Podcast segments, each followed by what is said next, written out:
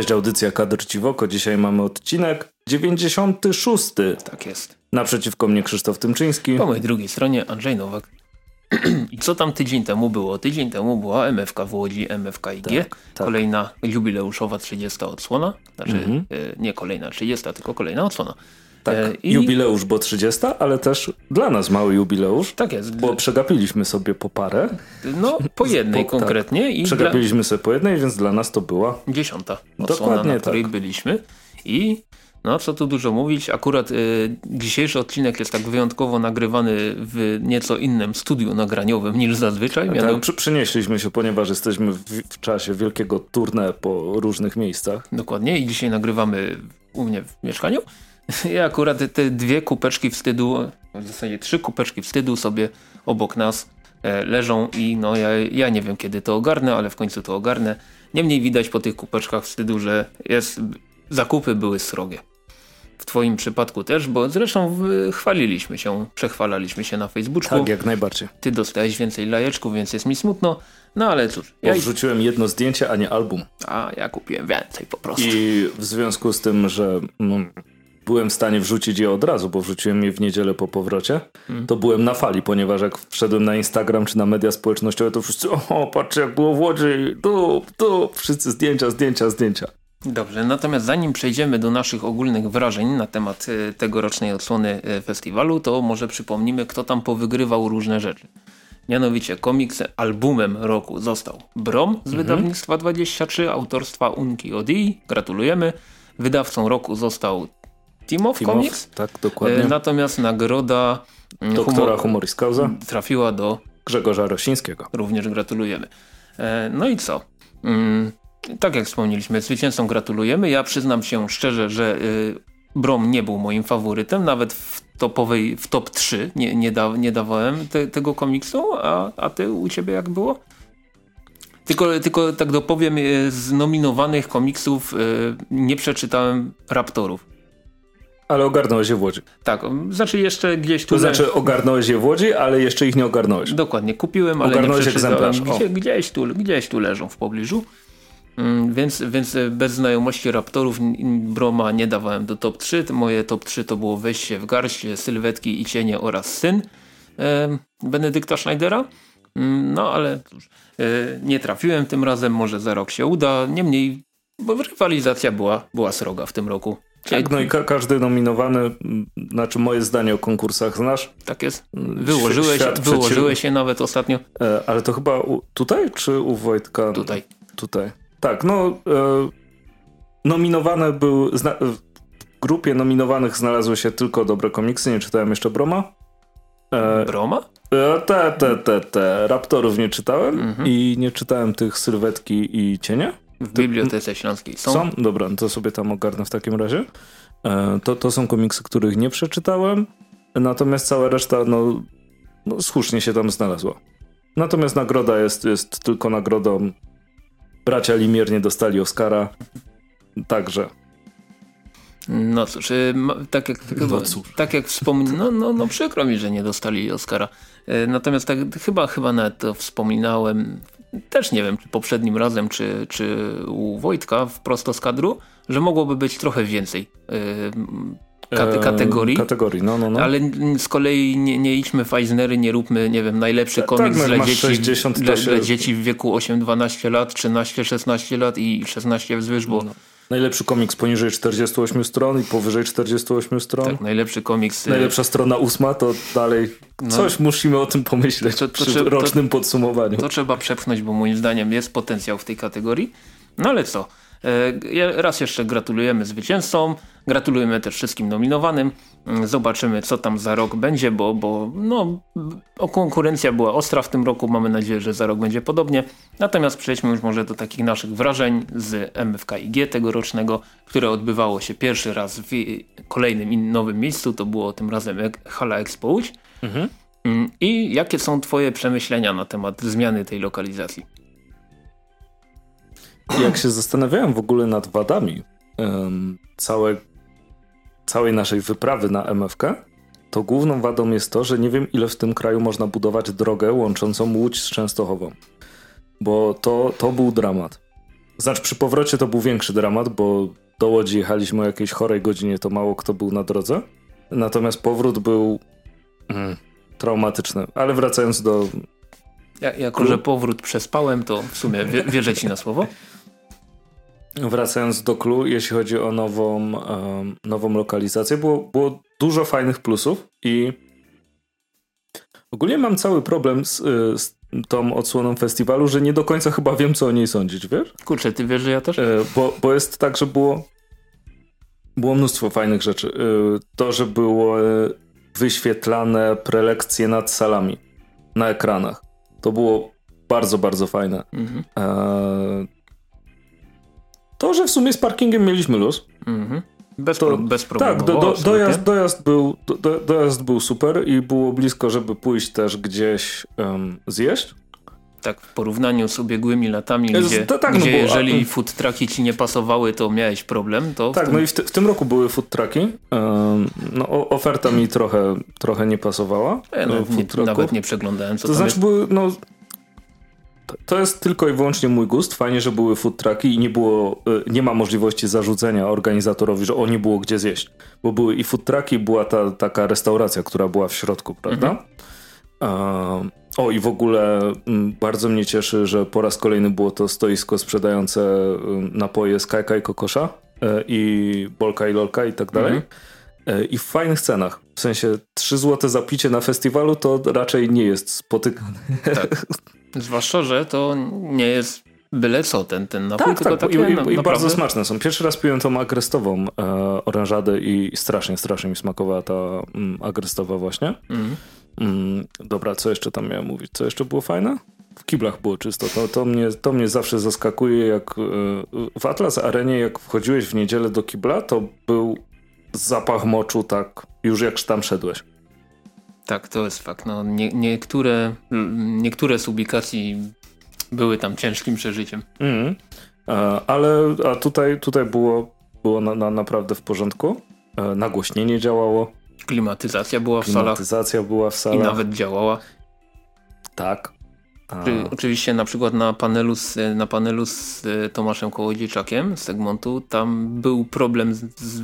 Jak jest więcej ludzi niż się da, to klimatyzacja, bo... wiesz, nie jest na to obliczona do, Dokładnie, prostu. a poza tym wydaje mi się, że tam działały dwa z trzech klimatyzatorów, jeden coś tak nie, nie do końca trybił, ale, ale nie było aż tak jak na Atlas Arenie. Mhm. Ludzie nie mdleli, ale dało się wyczuć zapach mężczyzny.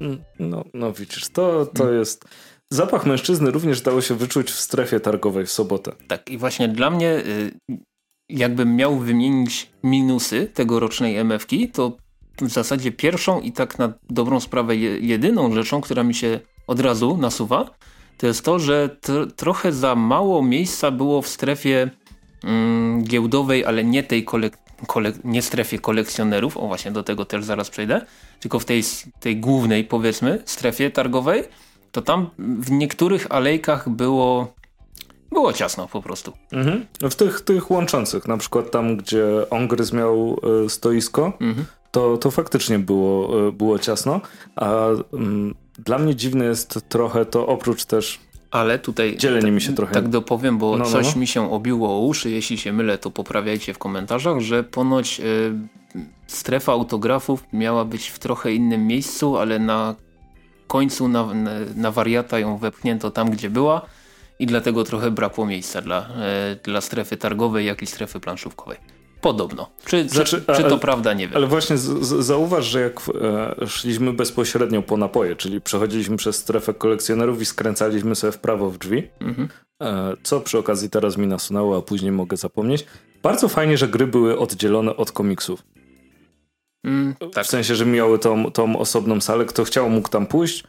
E, też oczywiście w obie strony e, to, to, działało, ale było mimo wszystko ciszej. E, bo, bo, gry na Atlas Arenie często zagłuszały wszystko. Nie Moje przemyślenie co do strefy gier komputerowych, nie planszowych, hmm? jest takie, że strasznie mała była ta sala dla nich.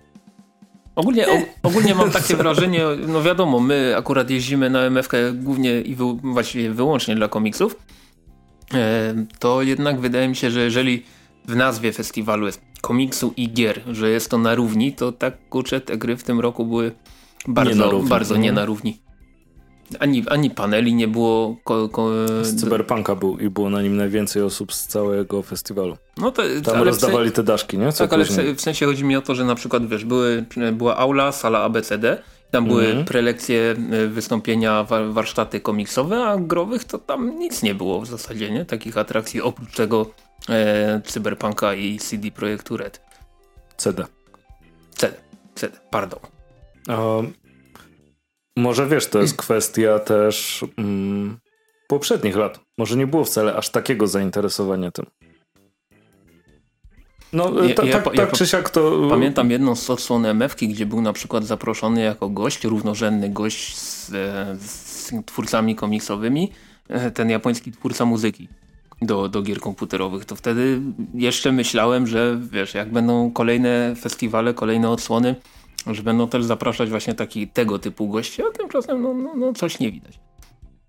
To jest takie, ale aczkolwiek no, no, ale ja, jakbym to, był tam... bardziej gamerem, to może bym się bardziej oburzał, a tak to no, tak, tak jak jakbyś był też gamerem, miałbyś też inne imprezy, nie? No pewnie tak. Na, na, na, na które mógłby, mógłbyś pójść. Um, co jeszcze miałem powiedzieć?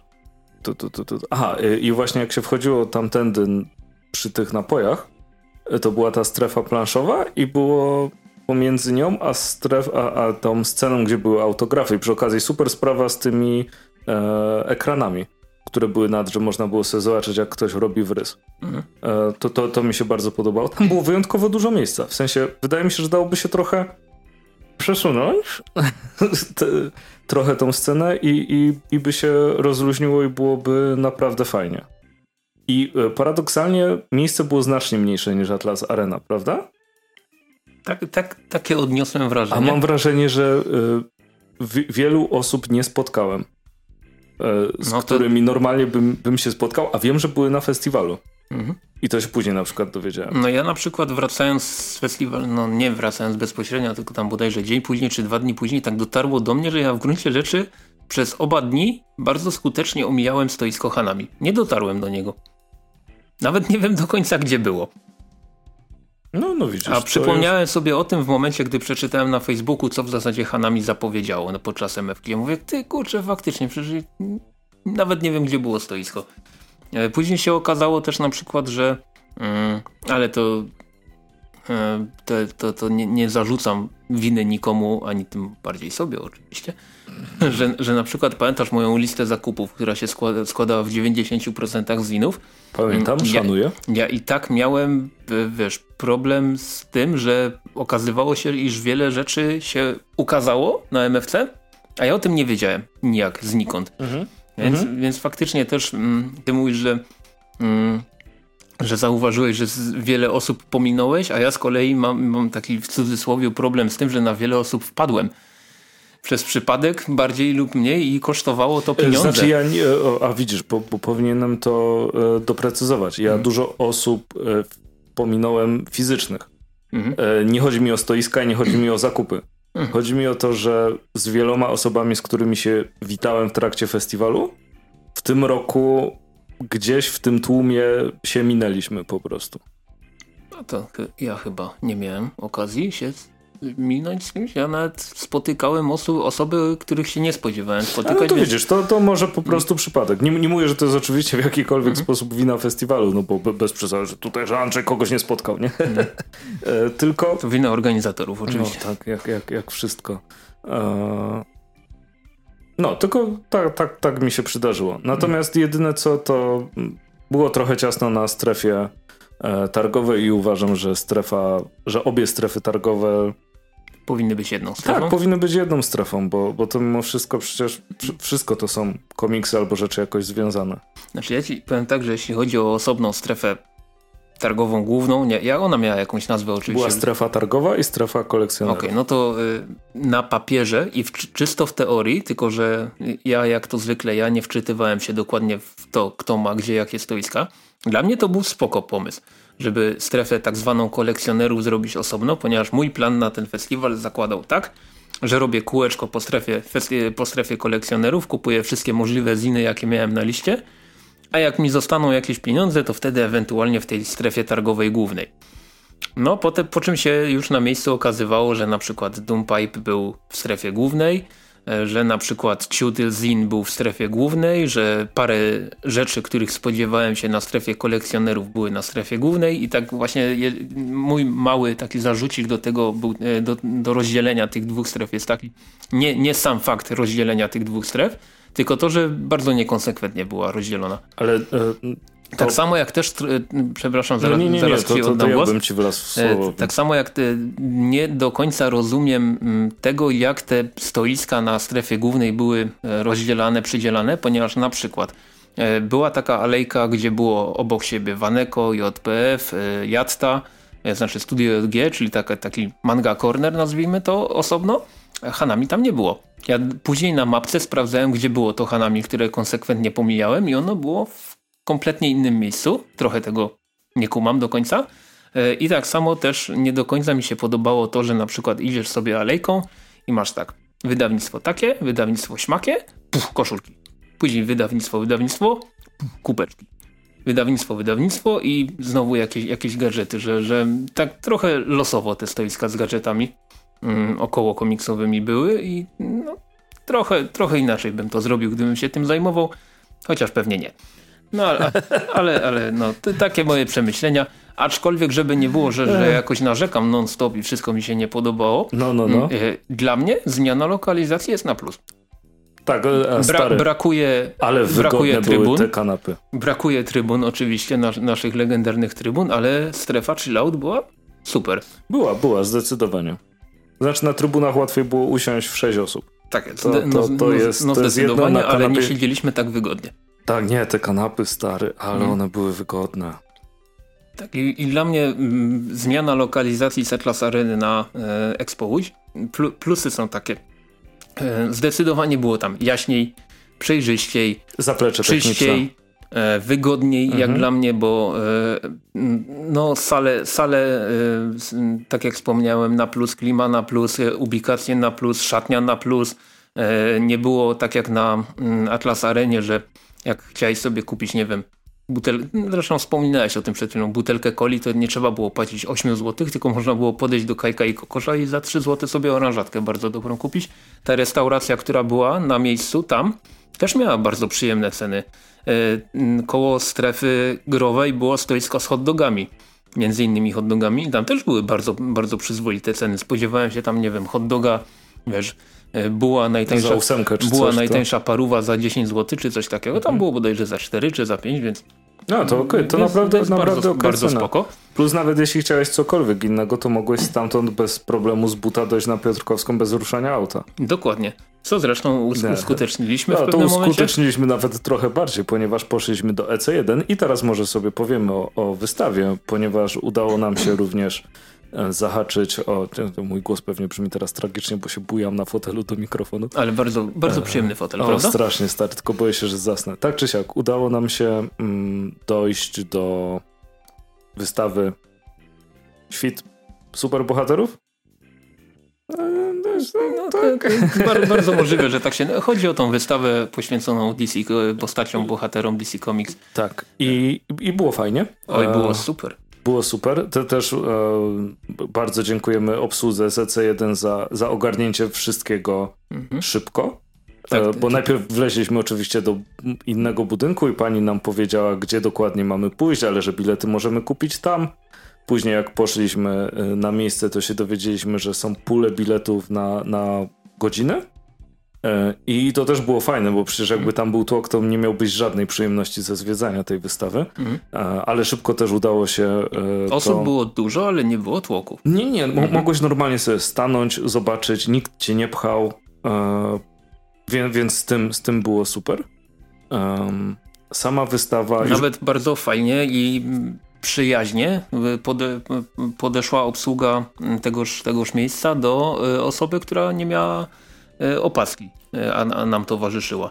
E, bo, bo na, na znaczy podstawie, jeszcze, jeszcze odebranej. No, tak, ale... jeszcze odebranej nie miała wtedy ta, ta osoba, a no, nie, nie, nie wyrzucono tej osoby, nie powiedziano, no nie wejdziesz i koniec, tylko Tak, tylko da, dało się załatwić, tak. potwierdzić z organizatorami, że, że tam była e, akredytacja, mhm. prawda?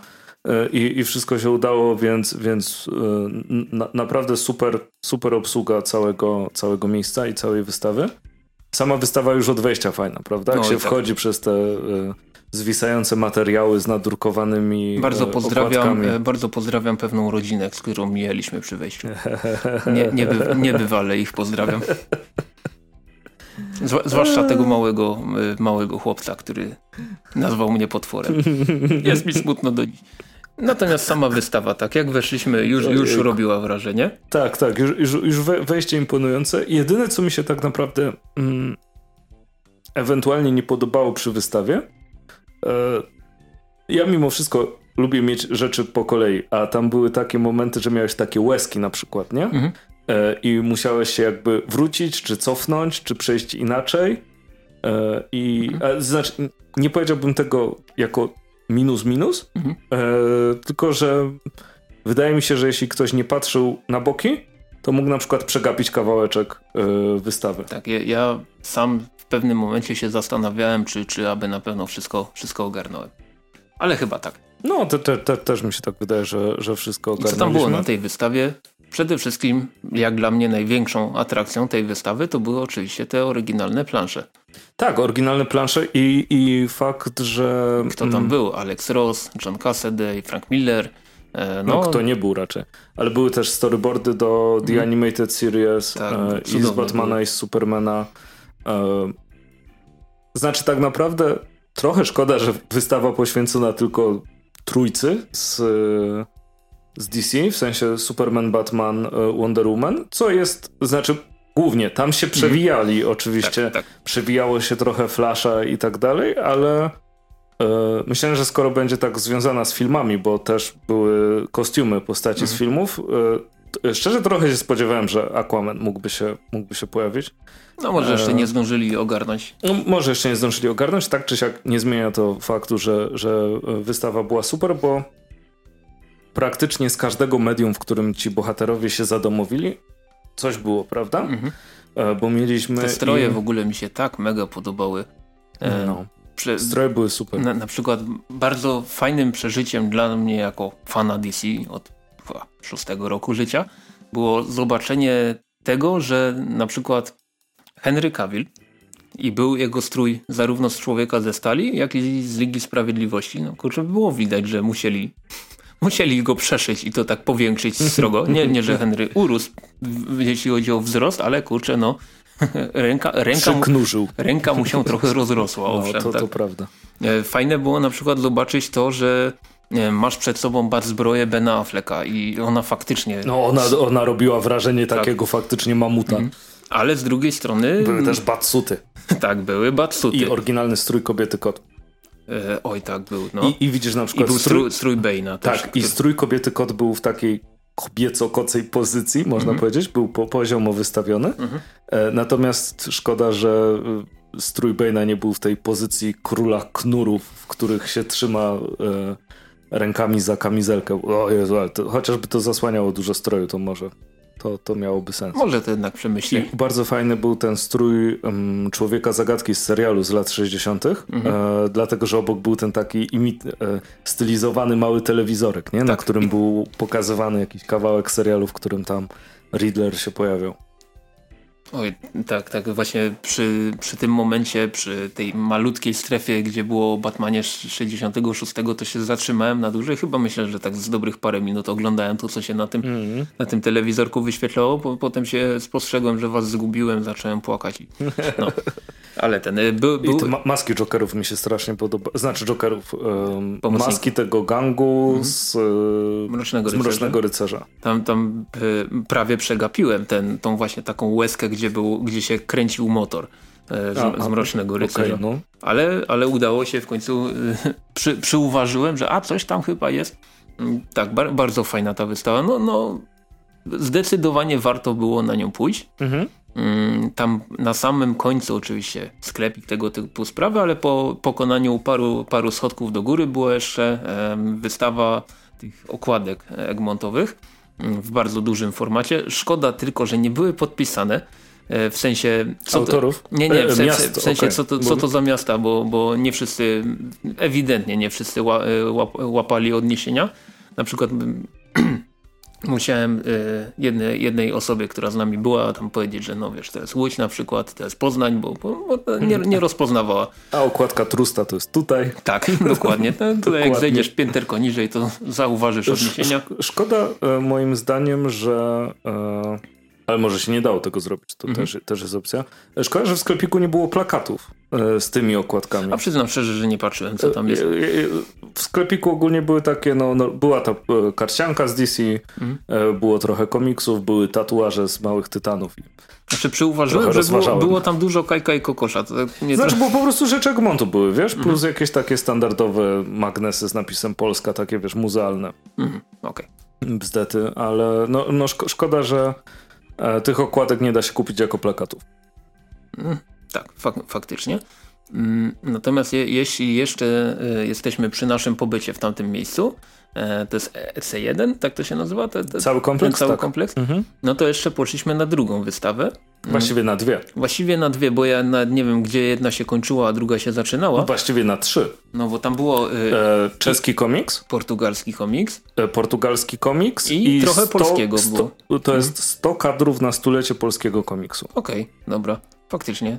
Tak mogło być. I to było wszystko w takiej jednej dużej sali, dlatego nie do końca łapaliśmy, gdzie się kończy jedna rzecz. I poniżej jak się schodziło, była jeszcze wystawa prac konkursowych z konkursu na krótką formę festiwalową. Tak jest. E, I mm, ta druga wystawa, też zresztą pozdrawiamy pana ochroniarza, e, który, który... który miał bardzo sensowną rozpiskę, jakie opaski wolno wpuszczać. Do, dokładnie. Bo na przykład przy, e, przy hali Expo, no te, też mieli rozpiskę, jakie opaski wpuszczać, tylko nie do końca to miało sens, prawda? O właśnie, człowieku, to, to, to jest, teraz mi się przypomniało. E, brakowało mi łatwiejszego wyjścia e, z e, Expo. W sobotę wychodząc musiałeś przechodzić pomiędzy ludźmi, którzy wchodzili. I nawet jeśli byś wyszedł przez wejście dla akredytacji, to musiałbyś przecinać kolejkę, która stała do kas. I to wcale nie było takie łatwe moim zdaniem. No myślę, że e, Bartek Kosakowski, który był z nami, mógłby też powiedzieć, że bardzo irytowało go to, że 10 razy wchodził i 10 razy był trzepany na, na wejściu. Bo to był ewidentnie pan był torbofilem miał, je, nie, nie, czekaj, torbofobem. O. Dokładnie, natomiast jeszcze wracając co do wystaw, e, na tak, których tak, tak, byliśmy, tak, tak, e, ja chciałbym w ogóle powiedzieć, że jako iż pierwszy raz byłem w tym miejscu, w tym EC1, E, no, mi się, no, no, mi się cała lokalizacja podoba, chociaż nie wyobrażam sobie, jak tam musi być zimą. Musi być cholernie zimno tam zimą, chyba że naprawdę mają dobre ogrzewanie. Ale Zimę musi być zimno. Tak, ale, ale no, sama lokalizacja bardzo fajna. No, myślę, że my, my Ślązacy i Zagłębiacy lubi, lubimy takie postindustrialne y, klimaty. Tak, to znaczy jak, jak, tylko coś jest zadbane, to, to jest fajnie. A tak. tam jest naprawdę zadbane. Tak, więc y, polecamy jak najbardziej odwiedzić zarówno wystawę y, poświęconą bohaterom, superbohaterom DC, jak i ca całą resztę y, komiksowych rzeczy, które tam są. Wystawa DC bodajże jest do 20 lutego. Tak mi się wydaje, bo coś się tam śmiałem, że 20.02, 20.20, nie? Taka fajna data. Jak, jakoś do, do lutego. W każdym razie jeszcze jest kupa czasu, e, ale warto, warto ją odwiedzić prędzej niż później, a może nawet więcej niż raz, bo, bo zdecydowanie jest to fajna rzecz. Mm, I co? E, I wracamy jeszcze na teren festiwalu. Mhm. Ogólnie zaliczyliśmy, można powiedzieć, rekordową ilość prelekcji, na której, na której byliśmy. Bo, bo e, Ty więcej na, niż ja. Na, naszą e, coroczną tradycją jest to, że dużo planujemy, a koniec końców niewiele z tego wychodzi, a tym razem chyba na wszystkie, na które planowaliśmy pójść, poszliśmy. No chyba tak. Czy coś, coś nas ominęło? Nie. Ja tylko miałem jeden, jeden moment, gdzie nie wiedziałem na co pójść, bo były dwie prelekcje o tej samej porze, na które chciałem pójść ostatecznie. Na dwie nie poszedłem, na które chciałem iść. Tak? E, na Grozy w polskim komiksie nie poszedłem mhm. i nie poszedłem w niedzielę, bo już się zbieraliśmy na jejku budowanie własnego świata, czy coś takiego, co, co Rafał Szłopa prowadził. Aha, okej. Okay. To, tak czy siak. Tak, tak czy siak i tak zaliczyliśmy dużo więcej spotkań tak. niż, niż początkowo Ty byłeś na Egmoncie? Tak, ja byłem na Egmoncie. Ja uznałem, że y, lubię powietrze i sobie odpuściłem. Tak, no generalnie powiem ci tak, że Mm, nie wiem, czy już po prostu zdziadziałem po tej 30, czy co, ale w tym roku poszedłem na spotkanie z Egmontem raczej z obowiązku niż z przyjemności i wszedłem... Eh, no dokładnie. O, oprócz paru zapowiedzi z DC, oczywiście, Oprócz paru zapowiedzi z Tam tak na jakaś latarnia, prawda? Tak, tak, będzie Green Lantern y, Granta Morrisona. Ale i pamiętasz kiedy? Czy... Nie, nie, to jest tylko, A, to, że, to, że było będzie. tylko podane ro, ro, na pierwsze, pierwsza połowa przyszłego roku. Okay. I na przykład z DC właśnie było podane, że będzie Batman, który się śmieje.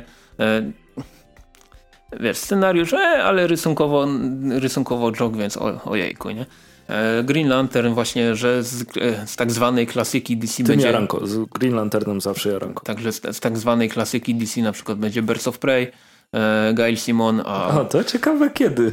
No tak przy, przypuszczam, że że, że... że... okolice lutego są, są prawdopodobne. Tak jest, aczkolwiek właśnie chodzi mi o to, że to jest cholernie fajny komiks. Nie, I, znaczy Gail Simon w ogóle jest mistrzynią, jeśli chodzi o pisanie... I gdyby nie film, do, o którym coś jeszcze później powiemy, mm -hmm. to prawdopodobnie w życiu byśmy się nie, nie doczekali w Polsce, a tak to trzeba, trzeba się cieszyć i trzeba to kupić, bo to jest fajna rzecz. Tak, i mam nadzieję, że pokażą się inne pozycje Gail Simon. Mm -hmm. Na e. takie, które mają, no, takie, które mają skrót SS, to może nie najlepiej, nie najlepiej to zabrzmiało. Ale Secret Ale Six. Secret Six jakby się pojawiło, to kosmos. U Simon w ogóle jest niesamowita w pisaniu takich e, przyjemnych akcyjniaków, prawda? Secret mhm. Six, e, Birds of Prey, e, e, świetny run w Tomb Raiderze Gail Simon. E, Wonder Woman Gail Simon przecież też, też niesamowita. Mhm, tak. Chociaż nie wszyscy akurat do, doceniają. E, znaczy, rozumiem, że może być eh, mhm. a, ale w, nie wydaje mi się, że można powiedzieć, że to jest zły komiks. Ja tutaj staram się szybciutko otworzyć, co tam jeszcze zapowiedziano z DC. O, aha, Mister Miracle oczywiście. No to wiadomo, ja że będzie y, bardzo pozytywne zaskoczenie, ale nie ukrywam, nazwisko scenarzysty tutaj musiało zadecydować, że będzie The Omega Man e, Toma Kinga. E, oprócz tego, no tam Heroes in Crisis, kogo to interesuje, ale będzie na przykład Multiversity Granta Morrisona. E, będzie z Black Labela, będzie Superman Year One, no to Frank Miller, ale, no, ale ten e, mm, rzecz, która mnie strasznie mocno ucieszyła, a później tak w sumie troszeczkę zasmuciła, bo będzie Slipper, oryginalnie wydany przez Wildstorm, scenariusz Ed Brubaker, rysunki Sean Phillips. Tylko dlaczego po polsku to się będzie nazywało śpioch? To już do końca nie kumam i naprawdę nie chcę już drzeć szat o to, bo płakałem całą noc przed, przed y, w soboty, z soboty na niedzielę nad, nad Potwierdzam. Nad tłumaczeniem tego. Prawie się na schodach wywalił. Kurczę, ja rozumiem, nie wiem, uśpiony, śpiący, bo to chodzi w tym no, kogoś, w, kontekście uśpionego agenta. Jest w trybie oczekiwania. Tak jest, ale śpioch no okej, okay. oprócz tego Hellblazer, zaćmienie. Hellblazer y, Garta Enisa, tak, tak, zaśmienie też nie do końca weszło, ale no mo może po prostu Brubaker i, i Phillips mają mieć nie do końca fajnie przetłumaczone tytuły w Polsce, ale cieszmy się, no, że... ciekawe, te... może to jest zmowa. Cie, cie, cieszmy, się, cieszmy się, że te komiki są. Tak, tak, tak. No. E, natomiast e, co, co tam jeszcze? Mm, jeśli chodzi o rzeczy z Marvela, to powiem szczerze, że to co Tomasz Kołodziejczak zapowiedział, to ja nawet nie do końca kumałem co to w zasadzie jest. Wie, wiem, że na pewno będzie y, Moon Knight kolejny. Y, chyba Jeffa Lemira? No, no nieważne. Są na to szanse. Y, w każdym razie no tam większość tych zapowiedzi, tak jak wspomniano, generalnie mnie jakoś mocno nie ruszała. Zdecydowanie bardziej na przykład jarałem się w momencie, gdy Egmont zapowiadał Power Rangers i, i Donarosę. To wtedy, to jaranko, no To wtedy jaranko, natomiast tutaj, no nie ukrywam, było sporo zapowiedzi frankofonów, a wie, jak, jak wiecie, albo i nie wiecie, ja w tych frankofonach to się nie orientuję w ogóle, więc tam migały mi te okładki i no to Ale jest jak super. coś wyjdzie tak, fajnego, to wyjdzie fajnego, nie? Tak, tak jest, tylko że no po prostu te, te tytuły nic mi kompletnie nie mówiły. Mhm. Mm. E, a z rzeczy poza Marvelowo-Disowych też nie było za dużo zapowiedzi, ale za to na przykład pojawiła się zapowiedź Resident Alien e, z Dark Horse'a i bardzo pozytywne zaskoczenie, że ktoś to, że, że Egmont to wykopał z oferty Dark Horse'a i to jest jedna z tych rzeczy, który, którą, której Dark Horse'owi jeszcze nie zabrano. Bardzo fajna rzecz. Nie spodziewałem się, że ktoś to wyda w Polsce, a, a polecam, polecam, bo, bo to jest taka opowieść o kosmicie, który rozbija się na Ziemi i zostaje lekarzem, bo nie ma szans na powrót do, do swojego świata i po prostu zostaje lekarzem, zostaje obywatelem. Ale tam Cholerni imigranci kradną nam pracę. Tak, dokładnie, ale... Na e, pewno ci ukradł pracę jako lekarz. Po, po czym... E, no, no co, z czym dokładnie się to wiąże, to, to może będziemy mówić już bliżej e, wydania tego komiksu w Polsce. No ale po Czarnym Młocie po mm, Brixland, po innych komiksach z Dark Horse'a, po które sięgnął e, Egmont. No oczywiście Hellboy, BPPO wiadomo. Kolejna fajna rzecz z Dark Horse'a, która się pojawi w Polsce i bardzo się cieszę z tego powodu. Brixland miał moim zdaniem ten problem, że e, że przyćmiło go trochę Non-Stop Comics ze swoim Grass Kings, które z założenia jest podobne. Mhm. Znaczy to tak jakby w jednym to momencie... dobry komiks. Nie, nie wykluczam oczywiście, ale y, wychodzenie naraz Skalpu i y, Southern Bastards y, oni też są trochę zbliżeni klimatem, nie żeby też autorem, ale no, po, po prostu jedno może przyćmić drugie, ale to wcale nie oznacza, że któreś, że któreś jest gorsza. Ale wciąż fajnie, że wiesz, że wykopuje się takie rzeczy, że nie skupiamy się tylko na nowościach i że wychodzą tylko nowości z Dark Horse'a, a, a jakiś kolder Kwidziński patrzę na ciebie przez mikrofon, a jakiś kolder e, leży, leży odłogiem z Dark to, to, w koń, to w końcu wyjdzie, jestem absolutnie pewien. Nie, nie wiem. Schrzanią nie... tytuł na jakiś zimniutki i to będzie już... To, to byłoby smutne, owszem. E, natomiast e, tak, co do spotkania z Egmontem, to tam może właśnie tak jak mówię, ja, jako że wyszedłem z tej sali, tak, no, zapowiedzieli, to zapowiedzieli na, na, co drążyć temat. No i właśnie tak do tego podchodzę już. No, ale nie było nic tak, że się zesrałeś, prawda? No, że, do, że dosł tak... Dosłownie nic. Jak, jak, jak na przykład zapowiedź Bona. Dla hmm. mnie zapowiedź Bona to było takie wow. No tak, tak. cuciliśmy cię wtedy dobrą godzinę. No i dla, dla mnie taką zapowiedzią był właśnie Don Rosa czy Power Rangers. No natomiast tam na, te, na tej konferencji Egmontu nie, nie padło takiej nic ciekawe. bomby ci zabrakło. Tak, brakło takiej bomby. Bombowy był w zasadzie chyba tylko moment, gdy jedna z osób obecnych na sali zapytała o jednego z twórców alternatywnych okładek od DC, to wtedy się zrobiło przez jakieś 30 sekund dużo emocji na sali, ale oprócz tego w zasadzie odhaczone i zapomniane. Jeśli chodzi o te inne e, spotkania, na których e, miałem okazję i przyjemność być, no to wszystkie mi się podobały. Nawet ta z Doompipe'em, gdzie Łukasz Kowalczuk, odhaczone, musiał, musiał, e, musiał um, niestety upominać ale to, Wo wolontariusza? Nawet ta z Doompipe'em przez to, że trzeba hmm. było upominać wolontariusza, tak? Czy... Hmm. Okej, okay, dobra. Tak, tak, tak. Tam trzeba było upominać wolontariusza, który troszeczkę hałasował mm, i, i też uczestników warsztatów, które były przed tym, przed tym e, spotkaniem z twórcami Doompipe. Też tam zostali, rysowali, trochę hałasowali, trochę przeszkadzali. No ale taki tam. To, to jest jeszcze jedna rzecz, którą uważam, że można by lepiej ogarnąć, w sensie mm, lepsze pilnowanie czasu. O, bo, tego w ogóle tam nie było. No właśnie, czyli w ogóle pilnowanie czasu, mm. dlatego że no jak, jak w programie jest 60 minut, to y, teraz było dobrze przygotowane. Nie można było, nie można było powiedzieć, że o coś tam walnęły mikrofony itd. itp. Wszystko było w ścianie i wszystko działało. Mhm.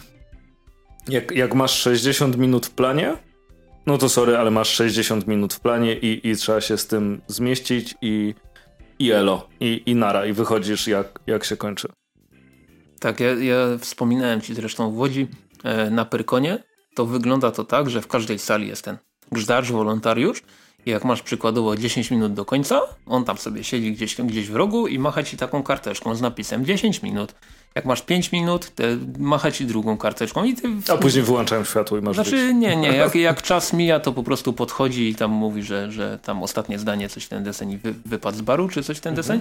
No w Łodzi w tym roku tego w ogóle nie było. Nikt, praktycznie nikt nie panował nad, nad sytuacją i na przykład byliśmy e, sami świadkami na spotkaniu dotyczącym crowdfundingu w komiksach. Tak, które też zaczęło się później, bo się przedłużyło Poprzednie. wcześniejsze spotkanie, co jest bez sensu. Dokładnie. I, i, tylko, że Rafał Szłapa chyba skończył o czasie, więc można powiedzieć, Tak, że... no, no to, tam e... przyspieszono i skończono tak jak, hmm. tak, jak powinno się skończyć, tylko, że e, jeśli coś się przedłuża, to albo zrobić 10-minutowe przerwy pomiędzy, pomiędzy panelami, hmm. niż zazębiać je tak, no albo mieć na sali kogoś, kto nad Albo mieć na sali kogoś, kto po prostu będzie ludzi wyrzucał jak się, jak się skończy, no mhm. bo No sorry, to, to, to Myślę, nie może że... być tak, że wiesz, że poprzednie się przeciąga i ty miałeś godzinę, ale masz 40 minut, a, a nie przeciągniesz przecież, no bo no. Na, nasz kolega Damian ewidentnie by się nadawał do takiej roboty, prawda? Tak, tak, tak. Da, da. Natomiast jeśli chodzi o samą MFK, jeszcze coś chciałbyś dodać? Fajnie było, jak zawsze dobrze mhm. się bawiłem. Um, tak. tak, okej. Okay. Czyli za rok. Jakby mi ktoś powiedział, że to, to mhm. jest festiwal, na którym byłem, to bym powiedział, że, że tak. Tak, przyznał, przyznałeś się do, przyznałbyś się do tego. Nie, no, no MFK zawsze do, dobrze mhm. wspominam tak naprawdę. Nie wiem, czy kiedyś była jakaś edycja, która była dla mnie beznadziejna. Każda jest zawsze fajna, za, za, zawsze to jest mm, ważna część sezonu festiwalowego. E, no największa komiksowa mhm. stricte impreza w Polsce, pomimo całej mojej miłości do, do tych bardziej kameralnych imprez jak Złote Kurczaki, e, to, to MFK też, też uwielbiam. Czyli za rok, jeżeli e, sił starczy, pogoda dopisze i finanse tak samo. Tak, to, i, to, i nie zamkną nam drogi. Dokładnie, to, to, to się stawimy. Jest nawet jakaś nikła nadzieja, że do tego czasu tą, tą drogę między Łodzią a Częstochową coś tam może dorobią te 200 metrów kolejne. E, ale na pewno tak czy siak spotkamy się. E, spotkamy się w Łodzi. Spotkamy się z kolejnymi remontami już w samej Łodzi. A. No, no to, to, to, to też nie wątpię. Tak, akurat tak standardzik. To Łódź nie byłaby sobą, gdyby nie była rozkopana. Nie byłaby sobą, gdyby była inna. Dokładnie. Natomiast jedliśmy całkiem spoko pizzę wieczorem. Tak, tak. Jak na taką z dostawy, to, to, to była naprawdę w porządku. Nie miałem zgagi po pizzy z dostawy, co, mhm. co jest dla mnie wyznacznikiem tego, czy jest ok, tak, tak naprawdę. A skoro już jesteśmy przy jedzeniu, to ja muszę powiedzieć, że e, obiadek mój niedzielny, który, za który zapłaciłem 22 zł, był był smaczny, mhm. ale ta wielkość porcji, ło. I to jeszcze jedną rzecz, którą, którą powiem w naszym wspólnym imieniu, mhm. wydaje mi się. Jeśli będziecie widzieli wiśniowego Sevenapa, to go nie kupujcie, bo gówno smakuje jak rozpuszczone landrynki. Jest tak słodkie, że się tego nie da pić. Tak, e, znaczy ja, ja powiem tak, że widziałem tego wiśniowego Sevenapa w każdej możliwej żabce. Tak, e, też. W której I... ostatnio byłem, więc naprawdę nie, nie polecamy. No. Straszliwa rzecz. O, paskudztwo. Dobra. Mm, przejdźmy do, przejdźmy do kolejnych rzeczy. Następna w rozpisce, której nie, y, nie mamy, bo, y, wy, Dobra, wy, bo no. wybuchły drukarki, był trailer pewnego filmu z USA. A, myślałem, że nagrody Harveya. Dobra, to, to, to trailer. Faktycznie, nagrody Harveya, ale przejdziemy do tego później. Najpierw, najpierw trailer tegoż filmu, bo to tak... No więc... E, no bo już powiedzieliśmy o Harley Quinn. Dokładnie. Było wspomniane o, o Birds of Prey, o Harley Quinn, no to czemu by nie wspomnieć też o tym trailerze, jako że New York Comic Con w momencie, gdy nagrywamy jeszcze A, coś tak, tam się dzieje. Tak naprawdę to... Mm, zanim to powiemy, to jeszcze mhm. posłuchacie sobie ki z kim rozmawialiśmy w Łodzi, bo o tym fest zapomnieliśmy właśnie w tym momencie. Mhm. I zaraz po tym przechodzimy sobie do trailera. Do trailera. Witamy się, nasz gość. Cześć, Marcin Łuczek. Po raz kolejny. Po raz kolejny. Um, słyszeliśmy się na Widzi, słyszeliśmy się na Złotych Kurczakach, teraz widzimy się w Łodzi, 30 festiwal, prowadziłeś trzy prelekcje. Yy, znaczy, czy byłeś, nie, jak to powiedzieć? Brałeś udział... Prowadziłem trzy prelekcje, spotkanie z Egmontem, czyli tradycyjnie jak ktoś jeździ do Łodzi i chce posłuchać o zapowiedziach z Egmontu, to na pewno mnie tam znajdzie. Miałem też okazję poprowadzić spotkanie z autorami komiksów dla dzieci yy, z konkursu Christy. Premier, premierowe albumy oczywiście, czyli nowy tom Kubatu, Krasnoluda Napa i teraz na szybko, a, e, Malutkiego Liska i Wielkiego Dzika do Bereniki. No, to to wspaniały komiks, a i chyba mój ulubiony z tej serii, natomiast mój drugi, moim drugim ulubionym był Rufus. Czy coś wiadomo, czy Rufus będzie powstawał dalej?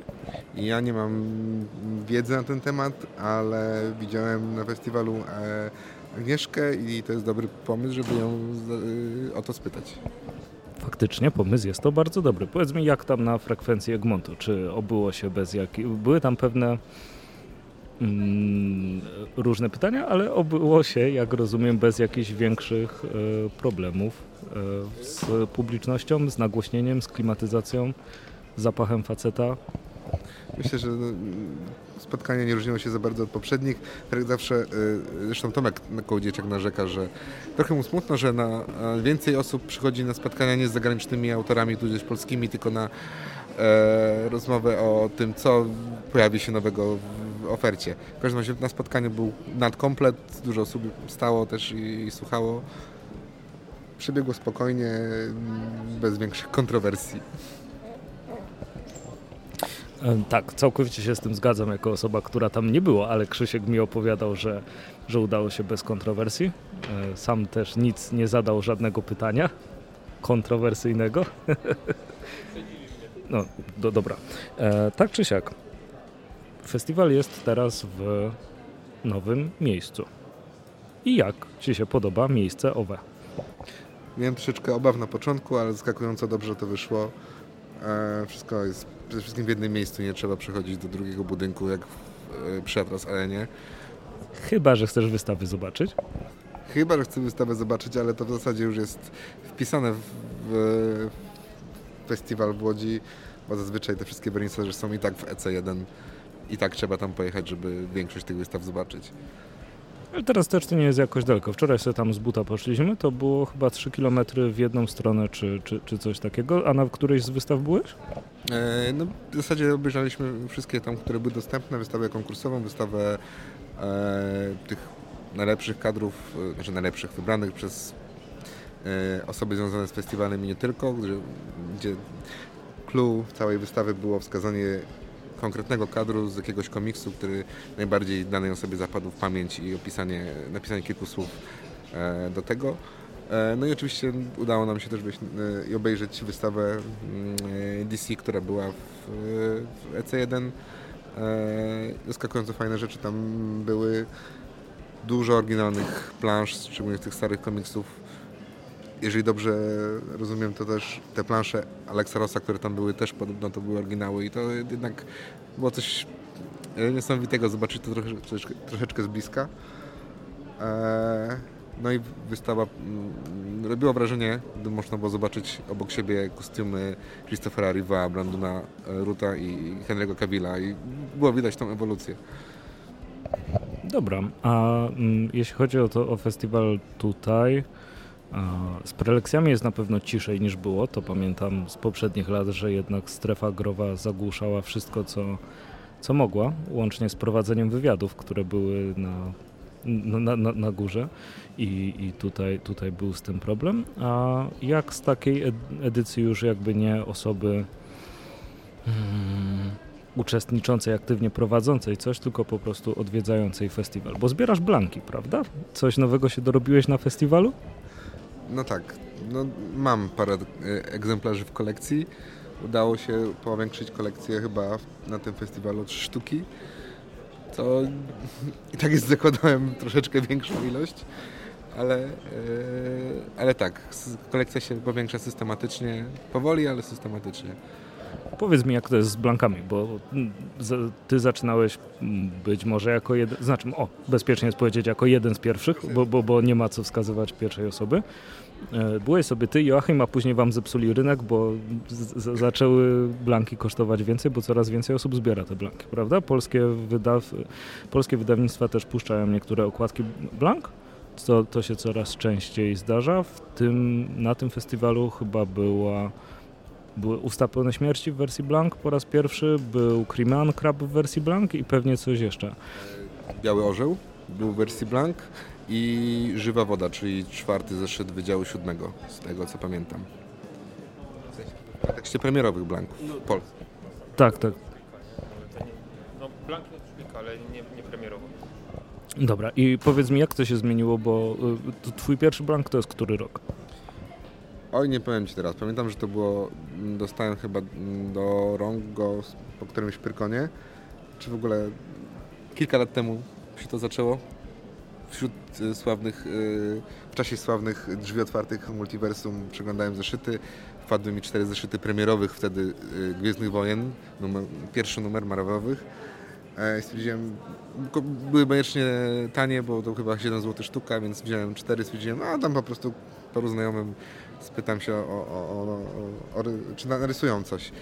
Od razu przyszły mi cztery nazwiska do głowy. To był Tomek Samojlik, Robert Sienicki, Fil Wiśniowski i Łukasz Kowalczuk. E, rozdałem, spytałem, powiedzieli nie ma sprawy i dosyć, nie, niedługo później e, Wojtek Nelec mi przyniósł z jednego, e, chyba z Pyrkonu, na którego za bardzo wtedy nie mogłem dotrzeć, gotowego blanka Star Wars od Tomka Samojlika. To był blank numer jeden i I potem już troszeczkę lawinowo poszło. Spodobało mi się, zacząłem szukać innych numerów, innych yy, serii, które wychodzą też w wersji blank i innych, innych mar marek. Yy, no i tak się zaczęło i się rozkręciło. Za zacząłeś już sam robić okładki blanków, których nie ma? Nie tyle ja zacząłem, co yy, może użyjmy tutaj takiego wysoko, takiego specyficznego słowa jak zlecam. Ale to jest oczywiście takie e, bardzo huczne słowo, a to po prostu kwestia dogadania się z Joachimem. W sumie drugim takim, e, e, myślę, pionierem, jeżeli chodzi o, o zbieranie blanków. Joachim na, chętnie pomaga, robi te wersje custom E, już parę takich blanków zrobiłem. Na początku mi to bardzo przeszkadzało, bo trochę takie mm, e, bardzo ortodoksyjnie zacząłem do tego podchodzić, że nie, żadnych customów, to muszą być prawilne. E, Byłeś purystą bankowym, e, blankowym. Tak, tak, muszę tak to powiedzieć, ale w pewnym momencie się złamałem i ostatnio to były blanki customowe. To był Jurassic Park, który poleciał do, do Kajetana Wykurza, czyli ogromnego fana e, parku rejskiego i który mi wczoraj powiedział, że Marcin, nie zrobiłem Ci jeszcze, bo mam, jestem, czuję wielką presję. e, e, zrobiłem też chyba, byliśmy Żółwie Ninja, mm, Johna Wicka, e, bo wyszła chyba miniseria John, Johna Wicka, więc stwierdziłem na fali popularności tego filmu, którego oglądam namiętnie już wielokrotnie. Wick, Transformers. E, próbowałem też na Prykonie w zeszłym roku zagadać do, do, do Stana z customowym blankiem Usagiego, ale powiedział, że nie za bardzo lubi ten papier, raczej nie, raczej nie będzie robił, po czym IDW dwa miesiące później ogłosiło warianty okładkowe i nagle pojawił się oficjalny blank Usagiego. No to widzisz, ale też dalej nie musi go rysować, jakby, jakby, jakby nie patrzeć. 30 mm, festiwal, na pewno nie ostatni. Właściwie nagrywamy to w, w niedzielę. O której się kończy? Bodajże za pół godziny już. Aha, no to ja się za chwilę muszę pośpieszyć jeszcze po jedną rzecz w takim razie. E, I ogólnie zadowolony jesteś? Tak, e, dosyć, troszeczkę się bałem tej, tej, tych przenosin, tak samo jak jeszcze poprzednia MFK była w Eudeku, tak w Trimpexie byłem wtedy na kilku edycjach i, i, troszeczkę nie wiedzieliśmy czego się spodziewać, tak samo było tutaj, ale mi się wydaje, że e, miejscówka zdała egzamin i bardziej tutaj należy szukać rzeczy do poprawienia w kolejnych edycjach niż, niż konieczności wymyślania kolejnej, kolejnej koncepcji na nowo, czy, czy e, jeszcze innej miejscówki. Dobra, super. Dzięki serdeczne za wypowiedzenie się i do usłyszenia niedługo, mam nadzieję. Dzięki wielkie. I jeszcze szybkie pytanie, co Wam się podobało, nie podobało na MFC? Kto tu ze mną siedzi? Bartek z silnikami Customs, co Ci się podobało i nie podobało? Szczerze mówiąc, bardzo nie podobało mi się, że na mojej wejściówce dla gościa pan, który kontrolował a wchodzących, musiał cały czas sprawdzać moją torbę i miał tam generalnie macać. Ale poza tym nowa miejscówka jest całkiem ok, chociaż ta sala główna jest trochę za mała. targowa, tak? Tak, targowa jest trochę za mała i nie ma tam gdzie usiąść. Dobra. Tomek, co tam? Brak trybun. Bardziej boli te. No, przez to nie można sobie spokojnie obejrzeć cosplaya te.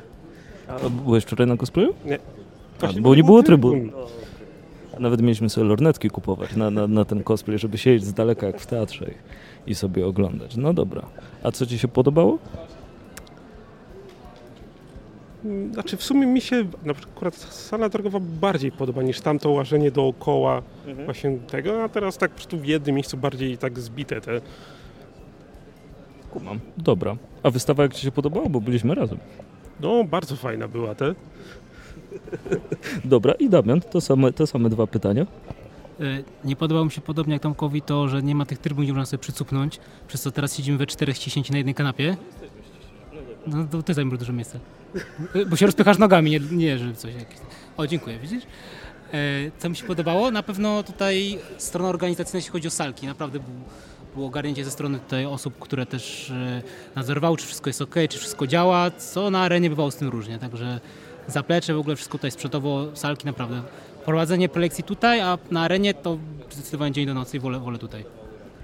I to był Tomek i Damian z DC, Mania, DC Maniaka obecnie tak, nie zmieniliście nazwy. Jeszcze United States of Comics. Okej, okay, no z DC Maniaka, dobra. I dziękujemy serdecznie za wzięcie udziału. Dziękuję. Również dziękuję. A Bartek też dziękujemy. Również dziękujemy. Tak, no to teraz sobie przechodzimy do trailera, o tym jak zapomnieliśmy o naszych gościach. Załapałby się pewnie do nagrania jeszcze Michał, ale poszedł do kibla. Dokładnie. Ale pozdrawiamy Michałka. Tak jest. Myślę, że się mi, usłyszymy. Miło poznać wreszcie osobę, którą od ponad roku obserwuję na Instagramie i nie wiem kto to jest. Tak, znaczy, obserwujcie tego, Demachel z panem Kleksem na tym. Mhm. Natomiast e, jak już wspomnieliśmy, mm, e, ja na przykład widziałem trailer Birds of Prey Ptaków nocy. Jezus Maria, jak, to, cię, jak to ciężko wypowiedzieć na głos. I mi się e... zawsze, jak to słyszę, przypomina dźwięk, który Robin wydaje w Teen Titans Go, ten taki koko. No więc tak, e, zwiastun Ptaków nocy A, bez, tego pod, bez tego podtytułu um, widziałem tuż przed Jokerem w kinie. Ty... Nie ma tego podtytułu w Polsce? Znaczy jest, tylko nie chce mi się go wypowiadać, okay, bo dobra. ten strasznie długi bezsensowny tytuł z tego wychodzi. Niemniej e, widzieć w kinie na wielkim ekranie taki wielgachny napis Ptaki Nocy to no, jest po prostu niesamowite przeżycie. Natomiast e, tak, widzieliśmy trailerek i tak, chcemy, ja we internecie. chcemy coś powiedzieć na, na jego temat. E, jakieś pierwsze przemyślenia? No fajny Deadpool. E, na, natomiast wydaje mi się, że DC postanowiło zrobić e, taki Suicide Squad, jakby ludzie chcieli zobaczyć. Czyli więcej akcji, mniej ludzi z Rosołu i, i strzela, strzela, strzelają tam do ludzi, nie? Mhm. E, kolory jak to w DC, ciemno, Ej. ale też neonowe rzeczy. No tak, właśnie chciałem powiedzieć, że bardzo kolorowy trailerek mimo wszystko. Tak, tak, tak, tylko że w takiej ciemniejszej stylistyce, prawda? Mhm. No ja, tak, e, tak jak wspomniałeś wcześniej, taki, taki trochę Deadpool. Mhm. Ja właśnie tak miałem takie obawy, miałem takie... Spostrzeżenie też po obejrzeniu tego e, trailera, że no DC jednak pomimo tego, iż zapowiada, zapowiadają, że ten film będzie inny niż wszystkie superbohaterskie filmy, bo teraz wszystkie filmy superbohaterskie trzeba zapowiadać, że są inne niż wszystkie inne. No jednak po, poszliśmy w kierunku takiego właśnie kolorowego żeńskiego Deadpoola z DC. Mam nadzieję, że mm, nie będzie tak jak w przypadku Deadpoola 2, czyli wszystkie najlepsze sceny były w trailerze. Mm, trochę jednak jestem pozytywnie nastawiony, bo, bo e, no, jak się widzi Vana McGregora, co prawda be, bez czarnej maski ani e, w trailerze, mam nadzieję, że w filmie chociaż trochę pobiega w jakimś czarnym lateksie na mordzie, ale jak się widzi tego Ewana McGregora, to jednak ma się, ma się jakieś takie pozytywne nastawienie. Tak, to, to, to jest takie fajne nazwisko. L liczę i... na to, że on się gdzieś tam pojawi i powie hello there, chociaż raz. o, oh, hello there. Mm. Harley Quinn. e, e, no, też się podobał ten mm. zwiastun. Chętnie zobaczę. Nie będę się oszukiwał. No i tak bym go zobaczył. Dokładnie. Znaczy nie zwiastun, tylko, tylko ca cały film. Fajnie, że jest Huntress. Huntress chyba jeszcze mm. nie widzieliśmy na takim ekranie. Nie, nie. On, były dwie Huntress na małym ekranie, czy może nawet i trzy. Na pewno dwie, ale o obu nie chciałbym pamiętać za bardzo. No, więc, więc jest szansa, mm. że, że coś będzie fajnego. Kostiumy fajnie wyglądają. Tak.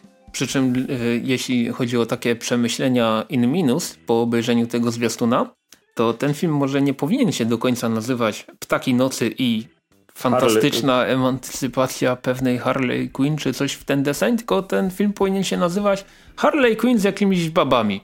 Bo w tym trailerze praktycznie nie ma tych ptaszyn za dużo. One tam tak, się no, ale wiesz jak się trailery montuje, nie? Po, po to, żeby przyciągnąć, a Harley Quinn jest takim, no jest Deadpoolem DC. Znaczy Deadpool jest Harley Quinn Marvela, w ten sposób od dzisiaj będziemy mówić. E, to ta postać przyciąga ludzi, nie? Ile przecież ona ma komiksów.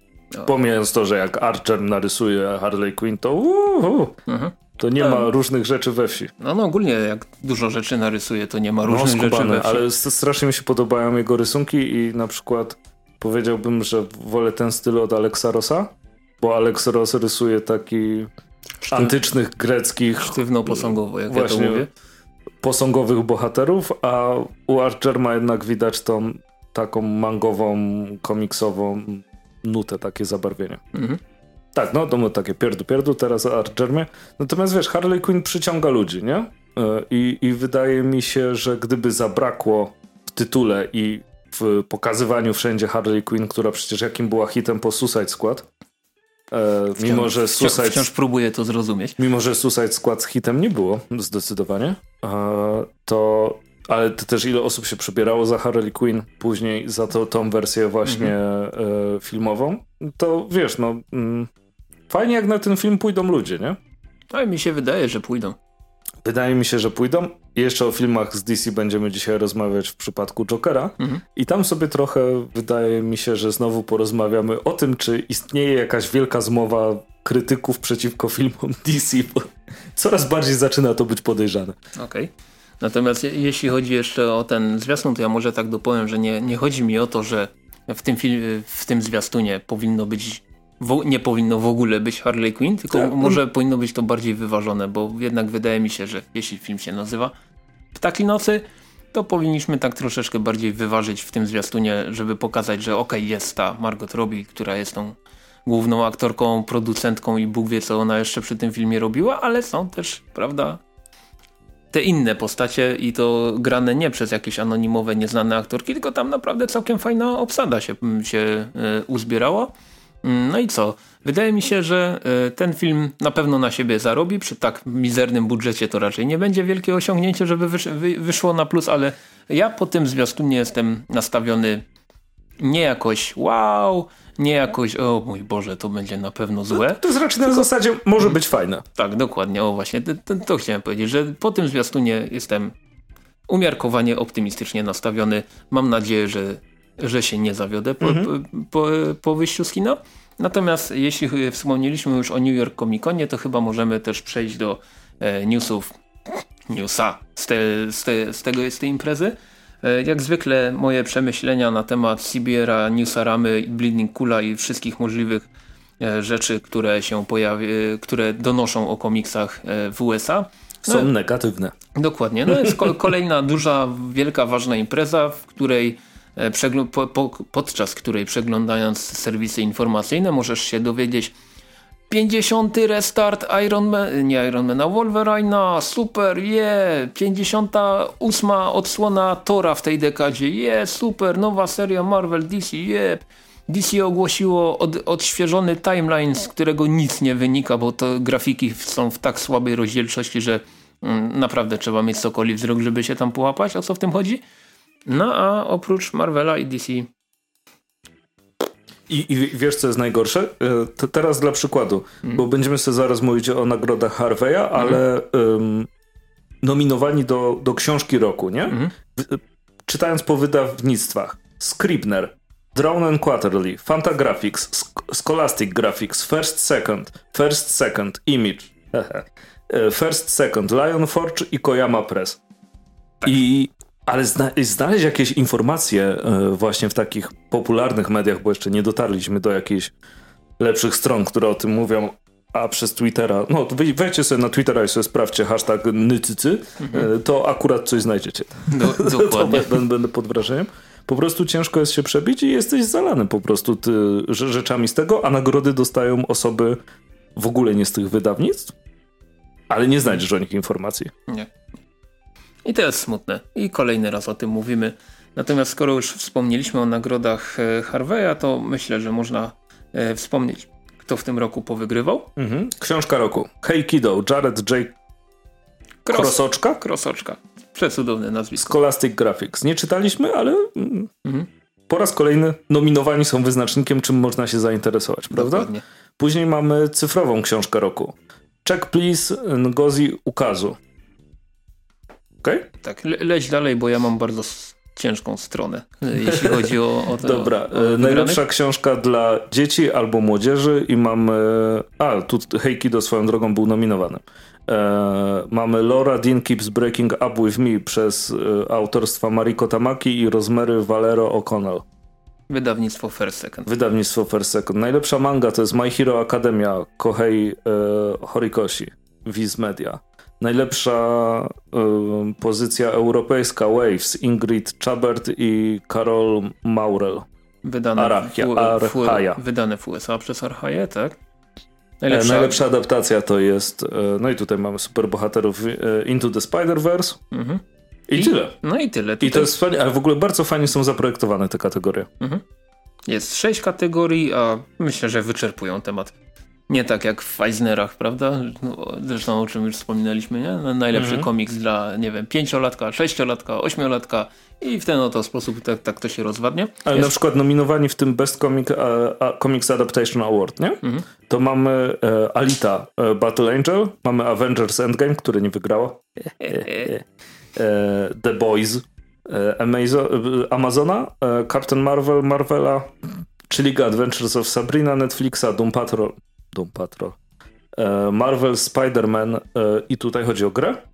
To też jest fajne, że, że jest po prostu w jednej kategorii. Mamy The Snigglepuss Chronicles by Provincetown Tennessee Williams Theatre Festival and Diecast based on Exit Stage Left The Snigglepuss Chronicles. Czyli to jest sztuka, tak? Mhm. No o, i super. O, o, istnieniu, której nawet nie wiedziałem. No, no, no właśnie. E, I Umbrella Academy Netflixa była nominowana. I, hmm. i da, dało się to wszystko tu wsadzić? Dało się wsadzić, że robić kategorię, wiesz, dla, dla, dla wszystkich po kolei. Okładka jeszcze mogłaby być ewentualnie. No w sumie racja. Natomiast y, do, ja bym jeszcze ewentualnie dorzucił najlepszy scenarzysta rysownik. I koniec. No, no. Natomiast jeszcze trzeba dodać, że do y, tak zwanego Hall of Fame y, doszli mm, Will Elder, Jack Davis, John Serewin, Mary Serewin, Ben Oda, Alison Bechdel i Mike Mignola. Natomiast Comic Industry Pioneer Award do, przy, y, przypadło Maggie Thompson. Nie wiem dokładnie co ta, co, co ta nagroda oznacza, ale pewnie coś fajnego. Niemniej gratulujemy. I co? I kolejny raz mamy e, zaktualizowaną listę tytułów spoza Marvel i DC, którymi warto się zainteresować. I na przykład wydawnictwa, o których nie wiedzieliśmy, że istnieją. Dokładnie. Co, ro, co roku człowiek się, człowiek się zaskakuje takimi rzeczami. E, I co? Przejdźmy do kolejnych rzeczy. E, z USA, tym razem właśnie... A, wiesz kim jest w ogóle Maggie Thompson? E, nie. E, bo te, teraz sobie tak sprawdziłem z ciekawości. Pani ma 76 lat, urodziła się w 42 i była bibliotekarką i bardzo długo była redaktorką Comic Buyer Guide tego, okay. tego magazynu. Okej, okay. to faktycznie zasłużona. No, no fajnie. No, no, na pewno to Ciekawe, czy to jest znacząca nagroda, nie? Bo wszyscy mówią Eisnery, Eisnery, Eisnery. No Harvey są takim... Małym Eisnerem. Takim wi wice-Eisnerem, tak? No, to trochę umniejsza tej nagrodzie. No dobra, nieważne. Przechodzimy... No, ale to, to, tak jak w tych nagrodach filmowych, wiesz, w Stanach masz y, i Oscary, które są turbo, super, mega ważne i są te Złote Globy, które są takie e, trochę, no. takim, takim wstępem tak zwanym, nie? A jak jesteśmy przy nagrodach ale i, tak, i Złotych Lwach. Ale i, i, tak jakbym dostał Złotego Globa, to bym się cieszył. Nie? Tak, nie no oczywiście, jakbyś Oscara dostał, też byś się cieszył. Tak. Nie ukrywam, że tak. Ale, ale w jakiej kategorii? Nieważne. Przejdźmy do, do rzeczy kinowych, e, które e, niedawno się pojawiły. Złote lwy już zostały wspomniane. Todd Phillips, który nakręcił Jokera. Dobra, ma się też w tytule. No. Mm. Więc co, wielka zagadka. Więc co, z, z, zaszliśmy sobie do kina, e, tak. o, osobno ty, ty we piąteczek, ja, tak. ja we sobotę, obejrzeliśmy Jokera. Tak. Mm, I e, co tu dużo mówić? Nie wyszliśmy z kina, jak dzisiaj się dowiedziałem na przykład rozmawiając z moją mamą, bo mówiłem, że byłem na Jokerze i on hmm. mówiła, że przeglądała sobie coś tam, jakieś plotki w internecie i było, że film jest groteskowy, obrzydliwy i ludzie wychodzą z kina. Ej, właśnie, ja tak w ogóle chciałem od tego zacząć. A jak, jak ty to teraz zrobiłeś? Bo e, dosłownie wchodząc dzisiaj na e, różne dziwne strony, na, na, telefonie mam tak, że jak otwieram nową kartę, to mi się pojawiają jakieś polecane artykuły no, no, no, no, i mi się właśnie wyświetliło, że obrzydzeni ludzie wychodzą... A to może nawet to samo ci wyświetliło, wy, co mojej mamy. Wychodzą z kina Joker. E, o właśnie, mroczny, intensywny, nie do zniesienia. Ludzie wychodzą z Jokera, WP film. Nawet teraz sobie to otworzyłem i mówię, ale, ale dlaczego? Przecież w tym filmie nic takiego nie było. Co tam, co tam mogło być nie do zniesienia? Um, nie wiem. Tak, i tylko, tylko że wiesz, chodzi o to, że e, jak sobie wejdziesz, e, sprawdzałem z ciekawości po, po wyjściu z kina, e, jak to wygląda w internecie, gdzie ludzie się tym przecież bardzo często sugerują, nie? Mhm. I na Rotten Tomatoes ma ocenę teraz 69, jak byłem w piątek to miał 51 czy coś takiego. Niemożliwe. A od krytyków, natomiast mhm. audience score się cały czas trzyma 91%. Mhm.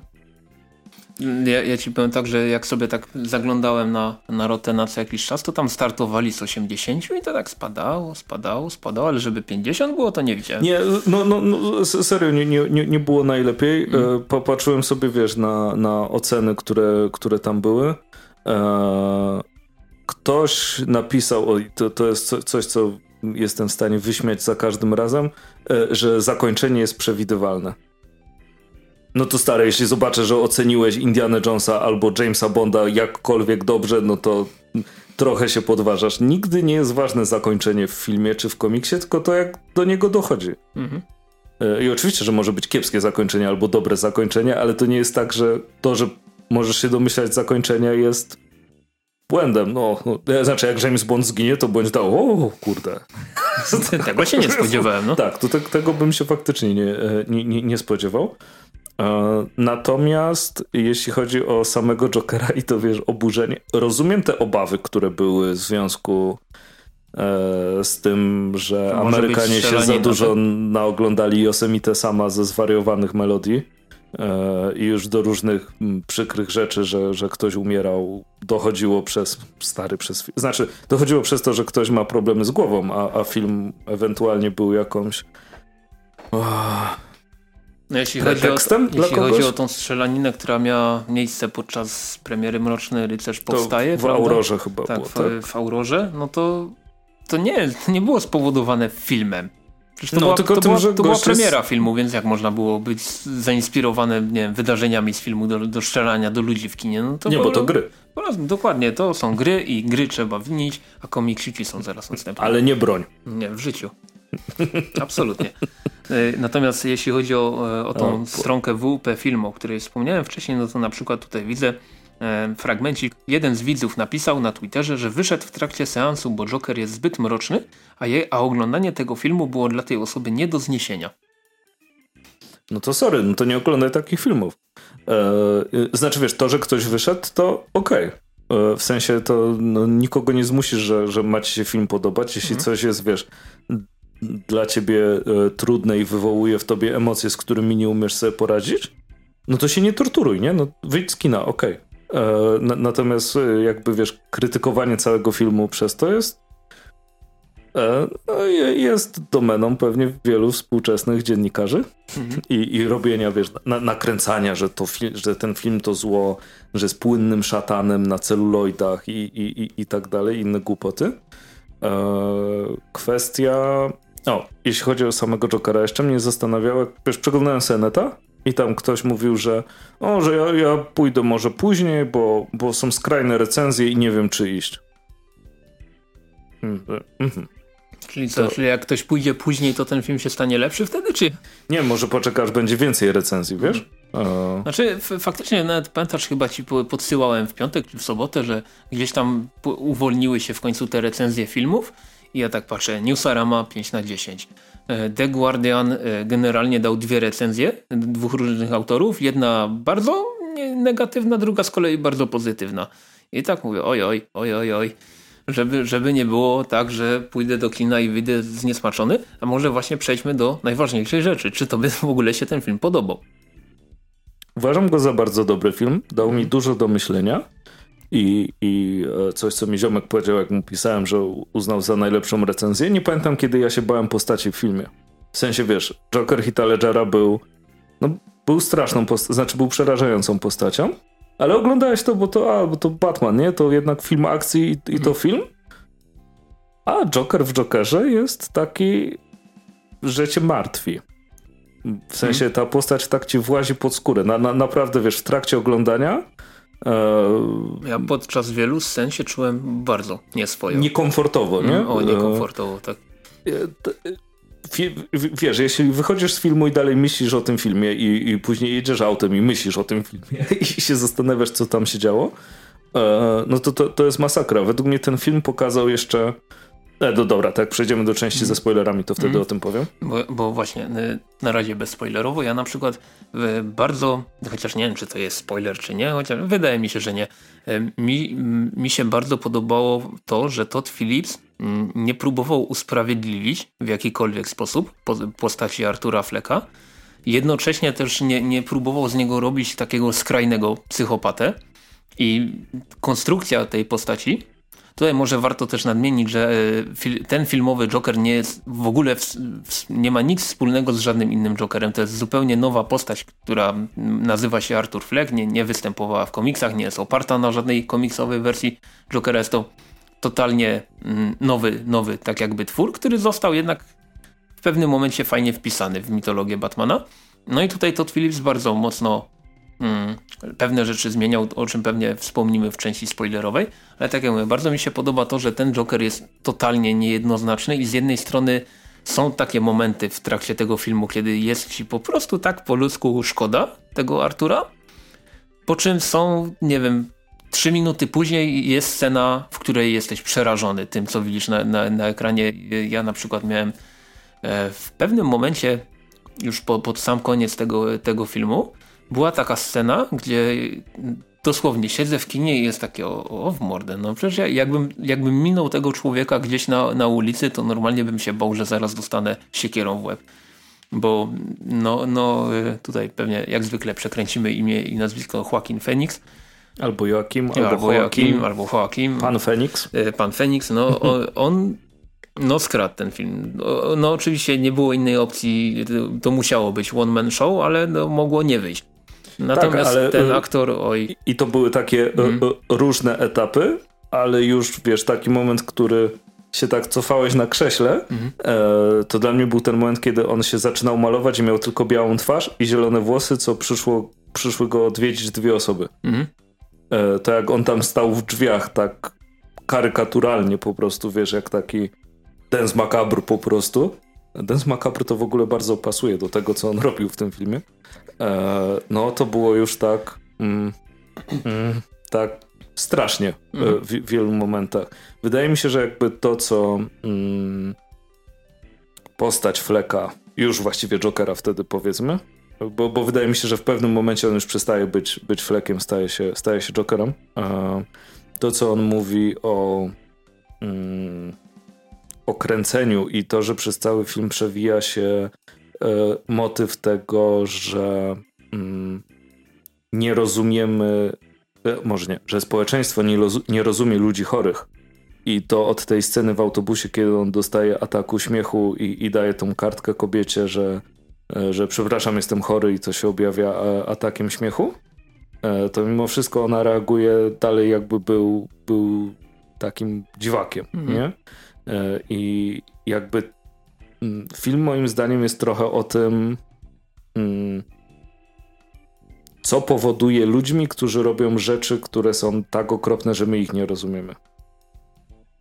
Tak, tak, ja tu, tutaj się, się totalnie zgodzę. Tylko też mam takie przemyślenie co do tego filmu, że z jednej strony mm, film nam pokazuje taką sytuację chorego człowieka, trochę wypchniętego poza ramy tego społeczeństwa. W ogóle nawet już taki żart krąży, że przy tym filmie, przy, tym, przy ocenianiu filmu Joker y, słowo społeczeństwo odmienia się przez wszystkie możliwe przypadki. Mhm. Ja nie ukrywam, też będziemy tak robić.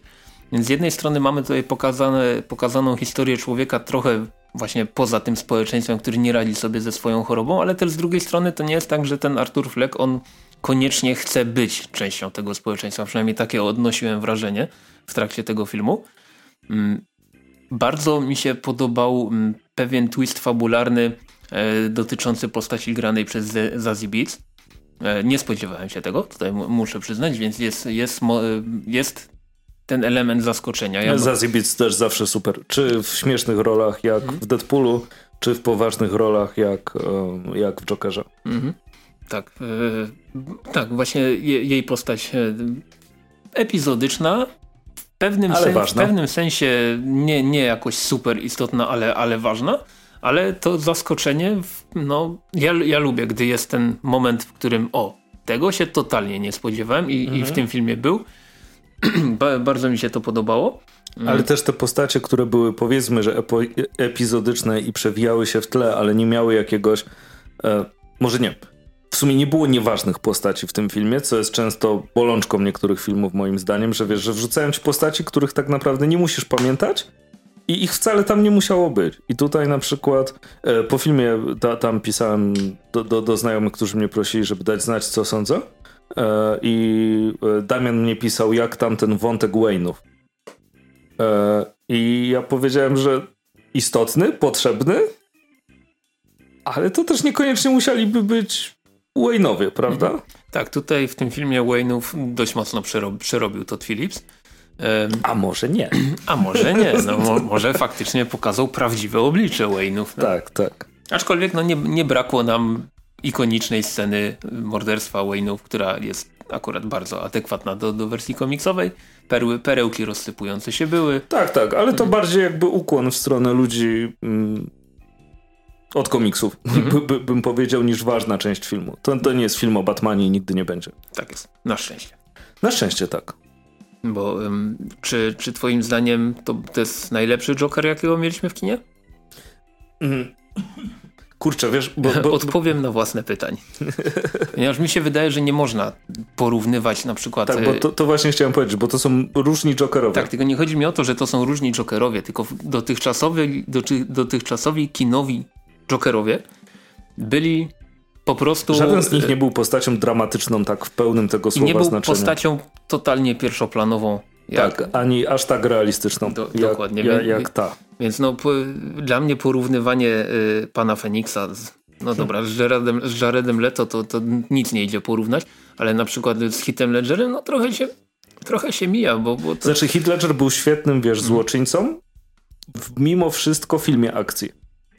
Tak. A, a Joker a, u Toda Phillipsa... To jest dramat społeczny. To, ta, tak, Przede to, wszystkim. To, to wiesz, to wszystko jest tam oparte na, na emocjach, na tym, co się um, może stać przez niezrozumienie na, na tej brutalności itd. itp. I to jest film, który mm, no jest bliżej łowcy jeleni, czy, czy właściwie taksówkarza, mhm. z którym jest bardzo dużo podobieństw, moim zdaniem, w sensie taksówkarza Martina Scorsese. E niż filmów takich klasycznych superhero. To jest, wiesz, mm. postać z komiksów, którą dało się zaadaptować do czegoś, co...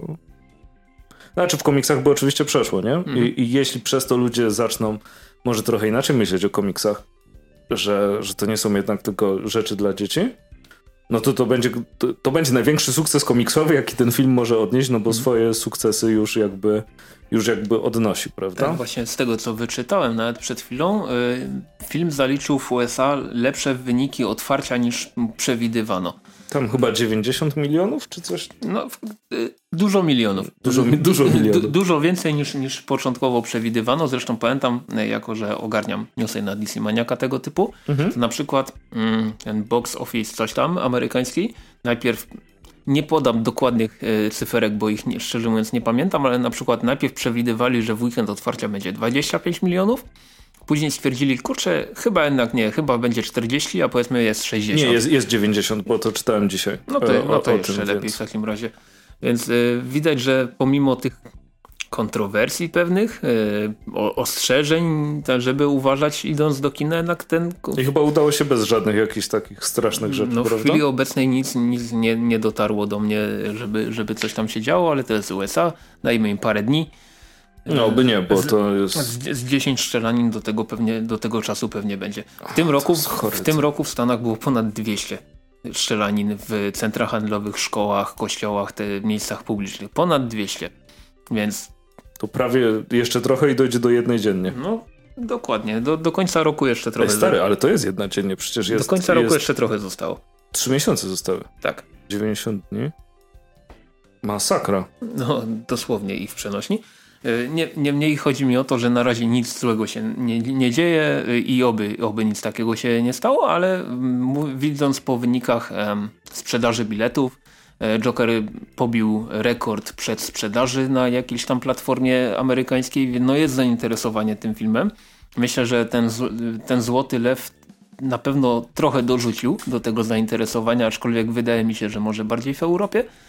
E, jeśli chodzi o, o, o ten film. Myślę, że też zależy o odbior jaki odbiorca. Ja nie? myślę, że w Stanach nie wiedzą, co to jest Złoty Lew. Oni nie wiedzą, gdzie jest Wenecja, tym bardziej, więc Venice to pewnie jest jakieś takie miasto w jakimś stanie. Tak. New Jersey pewnie. Dokładnie. E, natomiast co, co możemy jeszcze powiedzieć o tym filmie? Bezspoilerowo? Bezspoilerowo. No, że jest ciężki, że na, na pewno nie szukujcie, znaczy zastanawiam się ile osób pójdzie, bo a Joker, Batman i tak dalej, mhm. choć pójdziemy, a tam Hmm, to, o cholera.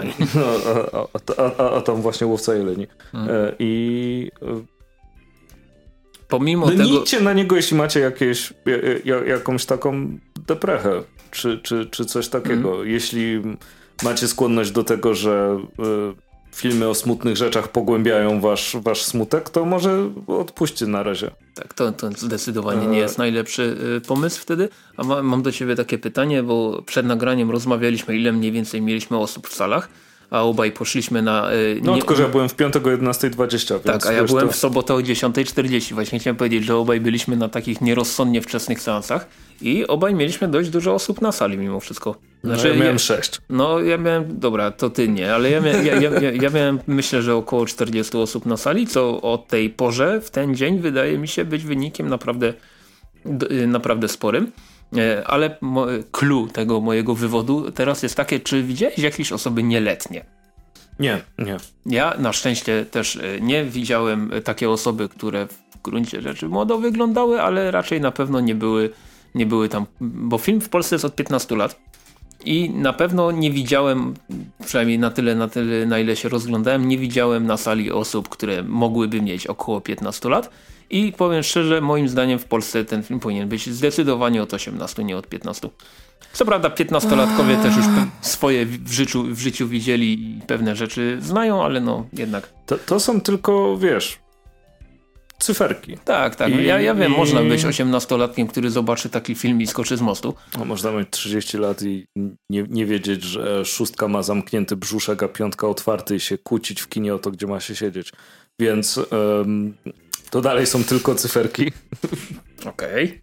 Em, ale znaczy, wiesz, chodzi mi o to, to, to jest trochę tak, że, że mm, Joker jest bardzo brutalnym filmem e, w, pe w pewnych momentach. Czy zaczynamy już mówić spoilerowo? No Okej, mo możemy. Możemy zacząć już mówić Mhm. spoilerowo, bo to, to, to o co mi się nasuwa. E, stary, w tym filmie ginie 6 osób. Znaczy, na pewno ginie więcej, ale e, Mhm. powiedzmy, że Joker zabija 6 osób, nie? Tak? Trzy w metrze? Tak? E, Dwie u siebie w domu? dwie... No, kolegów. Nie, no to jednego wypuścił. A, faktycznie jedno, jedną No osobę, buziaczka dostał. Dokładnie. E, grubego, Mhm. e, swoją matkę. I prowadzącego Przy talk show. okazji ma chyba w tym doświadczenie po gladiatorze w duszeniu Marka Aureliusza poduszką.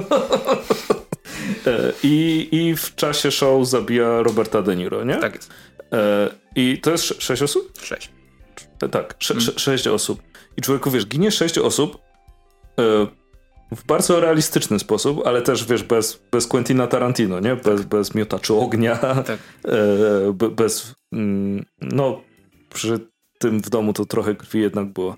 E, ale nie, nie też jakoś, wiesz, tak, że zalało i było lśnienie i po prostu otworzyli drzwi i wy, wylała się krew.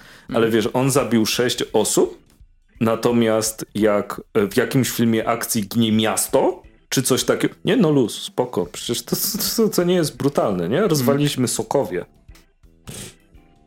Z czego jest zrobiona tarcza Kapitana Ameryki. Z Vibranium, a, quick, a tego, a Hogaja z Quicksilvera. Więc... E, ale luz. I w, w se- w sensie, wiesz, no... Jak ktoś ginie, to ktoś ginie. I, i ro, robienie rabanu o to, że, że Joker zabija sześć osób jest postacią, która jest ewidentnie zła. E, Do tego, że Tak, to jest to, co wspomniałem. W tym filmie nie ma nawet przez moment usprawiedliwiania czynów Jokera. nie, nie jest pokazane skąd się mogły wziąć. Natomiast nie jest tak, ej nie, no nie, no mógł tak zrobić, bo, bo, Bo był smutny. bo, bo był smutny i przywiązali go do kaloryfera i go bili. E, nie powinno.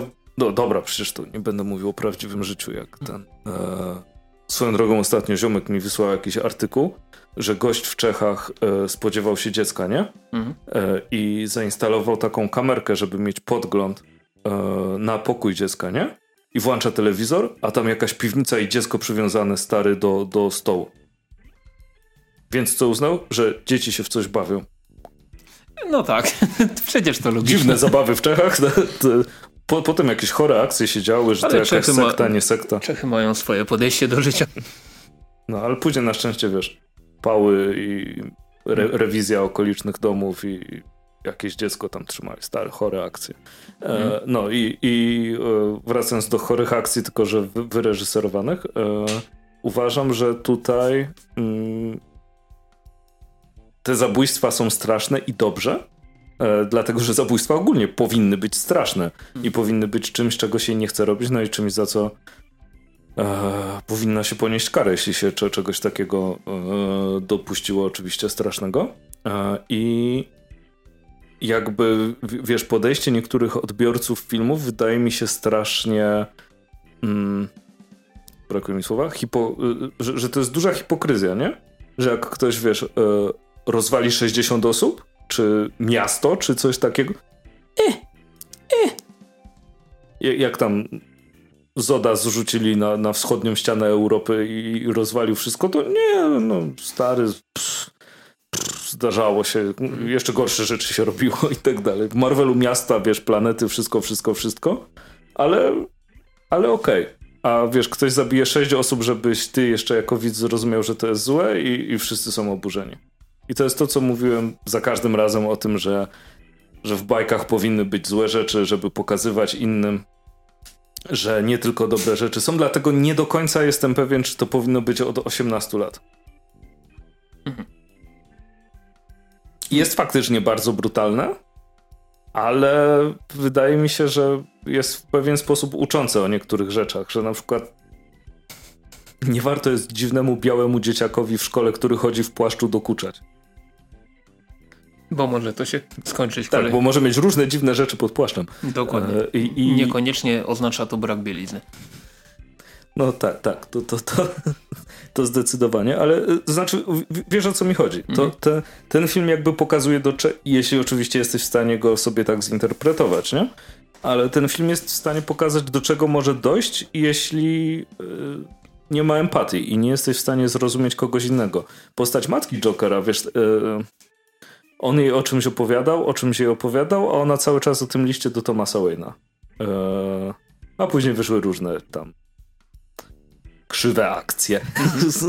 po, po, powiedzmy z, z, tą, z tą postacią. Tak, no skoro jesteśmy w części niespoilerowej, to ja tak... Spoilerowej już? Znaczy y, spoilerowej, to ja, to ja, tak dopowiem, że właśnie e, Y, ta, ta, rzecz, o której wspomniałem wcześniej, że ten Joker nie jest w żaden sposób usprawiedliwiony i ktoś może powiedzieć, ale hola hola, przecież tam w pewnym momencie wy, wychodzi właśnie to z jego matką, że ona w sumie była chora psychicznie, ojczym, oj, ojciec się znęcał i tak dalej, więc... Partner to e, konkubent, bo to konkubent. automatycznie możesz bić według tego, jak media przedstawiają wszystkich konkubentów. Tak, ko konkubent, więc, więc on był tam maltretowany jako dziecko, więc może stąd się wzięła ta... Właśnie nie, w tym filmie nie, nie jest takie sugerowanie, że... Nie, to, to jest pokazane, co mogło być jakby... Tak, że to jest taka, można że przemiana Artura w tego Jokera jest taką, można powiedzieć, konsekwencją, e, a, a nie a nie winą tego, że, że był... Tak, jest pokazane, co mhm. może się złożyć na to, że w którymś momencie coś pęka w tobie, nie? Mhm. Jak cię w końcu po raz kolejny biją, też swoją drogą piękny montaż dźwięku yy, przy tym był, że yy, jakby narastało w nim wiele rzeczy i nie wiem, czy na to zwróciłeś uwagę? Znaczy, w Ale... pewnym momencie muzyka bardzo mocno zaczęła sugerować w tym filmie, że o, to jest ten moment, w którym mm -hmm. Artur po prostu pękł. Tak, to, to, to jest jedna rzecz, ale też e, byłem pod wielkim wrażeniem tego, jak, z, e, jak zmontowany dźwięk był przy, przy tłumie. Bo w momencie, kiedy on jest w tym metrze e, i tam się przepycha, e, znaczy drugi raz jest w mhm. metrze mm i, i, się przepycha i tam e, ten detektyw go goni e, i w końcu któryś z tych ludzi w maskach klaunu zostaje postrzelony, nie? Tak. To stary był taki huk po prostu tego tłumu napierającego? Przepraszam, że naprawdę byłem pod wielkim, wielkim wrażeniem e, tego, bo, bo czułeś, wiesz, ten nacisk e, jakby miejsca, gdzie jesteś. Bardzo mi się to podobało technicznie.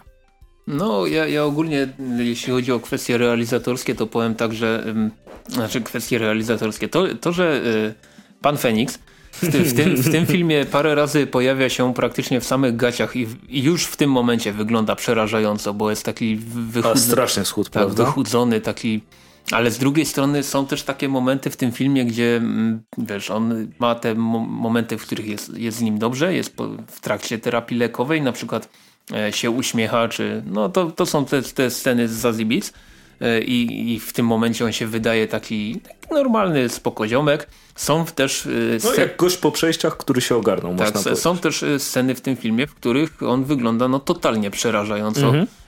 Ta I... scena w drzwiach, jak jest umalowany na biało, to, to tak, tak, niszczy mnie. To jest, to jest kosmos. Bardzo mi się podoba, no ale pan, pan Fenix no to jest fenomenalny aktor i właśnie to, to mi się podoba to, że zdecydowanie udźwignął tą rolę. Rola Jokera jest zawsze ciężka. E, niezależnie od tego, czy gra się w, nie wiem, w Batmanie z 91, w Mrocznym Rycerzu, w serialu Gotham, czy... Czy, czy podkłada się głos pod Jokera. Tak, tak to, to jest zawsze dość ciężka rola i jednak no, nie każdy ją udźwignął zdecydowanie.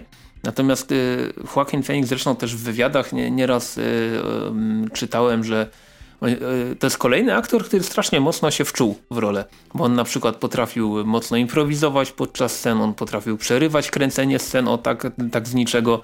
E, no mamy nadzieję, że nie wkręci się aż tak mocno jak...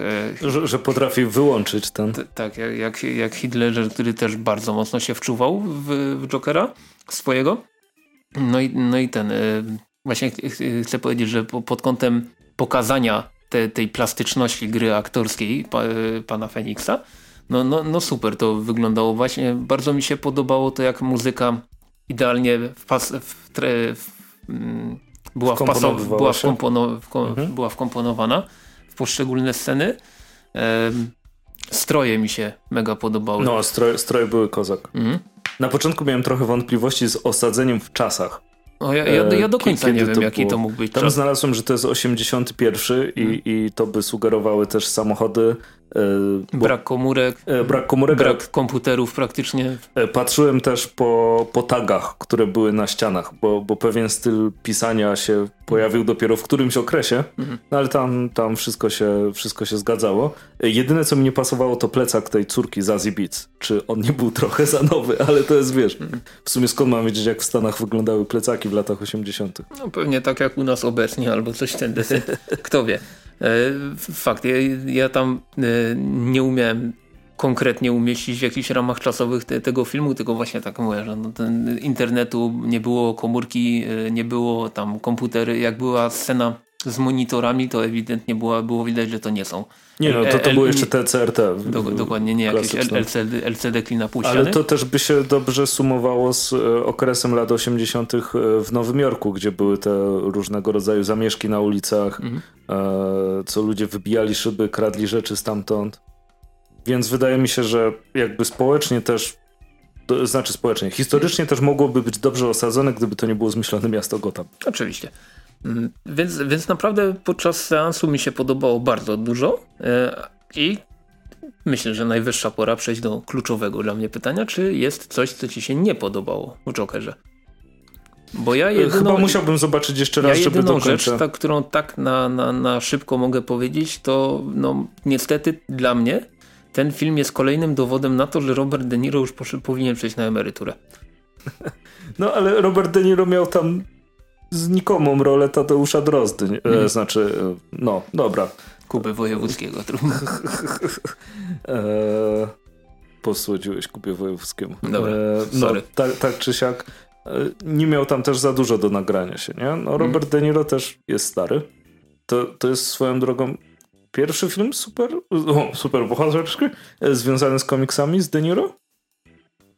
Bardzo możliwe. Bardzo możliwe. Swoją drogą to też jest e, pierwszy film DC z e, rated R mhm. od 10 lat. No, a co było wcześniej? Watchmen. Watchmen, aha, okej. Okay. E, już sobie, ciekawe też. No. Już sobie sprawdzam e, dorobek Roberta De Niro. Zaraz zobaczymy, czy gdzieś jeszcze. No to w kilku filmach wystąpił. Więc... No i tak. A, ale e, wiesz, ogólnie jeśli chodzi o wady, to, to musiałbym to przemyśleć, bo jakby pierwsze wrażenie, które film na mnie zrobił, znaczy nie, żebym nie miał czasu tego przemyśleć, bo, bo myślę o, o, od piątku o tym mhm. filmie. Film zrobił na mnie bardzo duże wrażenie. Realizacyjnie nie wiem, czy jest coś, do czego bym się przyczepił. Nie uważam, żeby był za długi. E, nie chcę powiedzieć, że dobrze się bawiłem, bo to znaczy, że powinienem iść do jakiegoś lekarza, jeśli bym takie coś mówił o tym filmie. Uważam, że warto go zobaczyć, na pewno warto go zobaczyć w kinie. realizacyjnie mi się bardzo podobał. Podobały mi się niektóre te, te pojedyncze kadry. Na przykład ten, jak on. O, o i wiesz, co mi się jeszcze podobało? Mhm. To, że nawet jeśli było coś, co mogłoby być śmieszne, to nie było śmieszne. E, jak on Wszystkie ta... dowcipy były spalone. E, nie, ale nie, nie, nie. Chodzi mi o to, że jak on tańczy w szpitalu mhm. E, dla tych dzieci i wypada mu broń i teoretycznie mógłbyś się zaśmiać, bo to trochę jest zabawne w pewnym momencie, mhm. ale nie. Albo to, jak ci detektywi przychodzą i pytają go, czy ma coś z tym wspólnego i pytają się, czy, czy ten śmiech to jest część jego, jego występu. On mówi, a jak myślisz, odwraca się i wchodzi w drzwi, nie? które są zamknięte. I to teraz, jak o tym myślisz, to jest śmieszne. W filmie nie było. No nie. I, I, to jest tak, że, że wiesz, że pokazywali gagi, które naprawdę były gaga. To, to, co mogło być tam śmiesznego, to ten kawałek filmu Charlie'ego Chaplina, który był wyświetlany w kinie. Mhm. E, natomiast e, to uważam, że właśnie ten taki, wiesz, kontekst e, humoru. Czytam też swoją drogą bardzo ciekawą książkę, mogę wam wszystkim polecić. Nazywa się O komizmie i śmiechu e, Władimira Propa. E, I jest taką analizą śmiechu, i tam jest właśnie. E, nawet poz, pozwolę sobie przeczytać, bo e, wryło, wryło mi się w głowę i uważam, że jest niesamowitym, niesamowicie dobrym i przydatnym dla wielu twórców by się przydało. Opisem. Tu. Czy ja bym się twarz Jokera wyświetliła? O, Wiemy już, że, za śmieszne, e, że śmieszne są właśnie wady i braki, ale tylko takie, które nas nie obrażają i nie wywołują naszego wzburzenia, jak również nie wzbudzają litości i współczucia. Tak więc, osoba garbata może wzbudzać śmiech tylko u moralnie niedorozwiniętego człowieka. I coś w tym jest, to tak, zastanówmy się nad tym e, trochę. I wiesz, jakby kontekst, w którym osadzasz żart jest niesamowicie ważny. I tutaj były osadzone żarty, i nie, to, nie, nie, kompletnie nie śmieszyły, tak, bo, bo jak, nie miały. Jakby, jakby wiesz, jakby to był Louis de Finesse i by wlazł w szybę, to jakby to byli bracia Marx. Hmm. Albo nawet Karol Marx. To, to, to, to, to byłoby, to wiesz, to byłoby zabawne, ale to jeśli osoba, która jest tak umartwiona przez cały film e, włazi w szybę i to nie jest śmieszne, to znaczy, że tutaj reżysersko, operatorsko, wszystko inne udało się to, to co zamierzali. Komiksowy film roku? Związany z komiksem. Mhm. Bo, bo y, y, kwestia, czy komiksowy jest takim o, luźniutkim filmikiem, mhm. że, że, sobie coś obejrzymy, nie? E, na pewno jeden z ważniejszych filmów w roku, moim zdaniem. Ogólnie. A mi się za, załamał głos w trakcie, bo mhm. hamowałem. Ale e, ogólnie rzecz ujmując, nie tylko w kwestiach około komiksowych. E, to wydaje mi się, że tak, bo, bo mhm. gigantyczne wrażenie na mnie zrobił. Okej. Okay. No i co? Zdecydowanie myślę, że pole polecamy. Warto się wybrać, tylko bądźcie pewni, że, że jesteście na to psychicznie gotowi, bo nie ma co sobie, wiesz, dowalać do, do pieca, jeśli, jeśli macie jakieś problemy. Tak, i ja też dodam, że e, od siebie, że ten film Ameryki w pewnym sensie nie odkrywa, ale nie miał tego robić. Tak, więc, no, więc no. jak przeczytacie jakieś recenzje, że e, oj tam, nie wiem, banalny koniec, że przewidywalny czy coś, no, a jaki miał być? To jest geneza Jokera. On miał się stać Jokerem na końcu. Spoiler. No, wow. no. Więc no, do, Co ty mówisz? Dokładnie. Więc, Pięknie tańczył na schodach swoją drogą. To, to tak, o, o, ogólnie sceny... Ta, sceny na schodach są bardzo ważne. Sceny na schodach są bardzo ważne, jak i sceny taneczne są, są też bardzo ważne. Jest ich dużo i są uzasadnione jak no, najbardziej. No, no. E, I, jedna rzecz mnie zastanowiła, jak typ wlazł do lodówki. Oj, to... to, to było takie... Kurde. Kurde, no. Dobrze, yy, więc co, polecamy? Yy, polecamy, warto się wybrać. Yy, i, ale jeśli szukacie rozrywki i to, to piw, nie piw, na, to nie na tym pow, pow, to, to nie, to zostawcie sobie Jokera, o, obejrzyjcie sobie. Szybkich i wściekłych. Znaczy, no, oczywiście tu nikomu nie ujmując, nie? bo mm. trzeba mieć ochotę na taki, znaczy trzeba mieć, Boże, mm trzeba być w stanie obejrzeć ta, ta, taki film jak Joker. Jeśli, jeśli nie lubicie rzeczy, które są w stanie was zdołować, no to, to nie powinniście tego oglądać, ale to jest coś, co daje do myślenia i warto ten film zobaczyć, elo. Dokładnie. I pamiętajcie, że nie można być moralnie niedorozwiniętym. Tak jest. Przejdźmy do komiksików. W tym odcinku będą raptem dwa. Mam dziwne wrażenie, że za dwa tygodnie będzie ich dużo więcej. No, a może nie. A, a, może, a może nie. No jak tak spoglądam na wspomnianą już wcześniej jedną, drugą i trzecią kupeczkę wstydu, to ewidentnie za dwa tygodnie będę, będę miał o czym mówić. Ty zresztą mam nadzieję również. E, skoro jesteśmy przy klimatach e, jokerowych, to wypadałoby też powiedzieć coś o komiksiku w e, tych klimatach, może nie aż tak. Ciężki. Czekasz na ten, co wyszedł ten Jeff Lemira? Ten Joker? Ten taki ze śmieszną okładką? Ja tam nie, nie przyglądałem się dokładnie, kiedy jakie zeszyty wychodzą, więc powiem szczerze, że nie wiem. Natomiast co się ukazało w Polsce właśnie podczas Międzynarodowego Festiwalu Komiksu i Gier była prapremiera, czyli Batman Biały Rycerz. E, jest to pierwszy komiks e, z DC Black Label, który ukazał się w Polsce. Swoją drogą byłem święcie przekonany, że Batman Mariniego ukazał się jako Black Label, a tu się okazuje, że jednak nie. O, widzisz, to też mnie zaskoczyło. No przynajmniej te, tak sugeruje tył okładki, ponieważ mamy tutaj napisane ta niezwykła powieść graficzna. E, dobra, zaraz przejdziemy do tego, czy jest naprawdę niezwykła. E, otwiera także serię autorskich albumów tworzonych przez światowej klasy scenarzystów i rysowników DC Black Label. Twarda oprawa, e, cena 79,99. Mm, powiem tak. Jako iż Shona Gordona Marfiego jako rysownika niesamowicie szanuję, uwielbiam i po prostu kocham jego pracę. Zresztą nawet siedzę jakieś półtora metra przed wydaniem e, Deluxe Tokyo Ghost od wydawnictwa Image. Mam tu gdzieś na półeczkach, mam, mam, mam, gdzie to jest, gdzie to jest, gdzie to jest. E, no chociażby Chrononauci e, od wydawnictwa Nonstop Comics, które e, Murphy zilustrował. On strasznie dużo komiksów takich nietypowych zilustrował tutaj. Mamy chociażby Joe the Barbarian, kojarzysz, pamiętasz? Z czasów, gdy Vertigo jeszcze wydawało godne uwagi o, rzeczy. kurde, no. no dość dawno.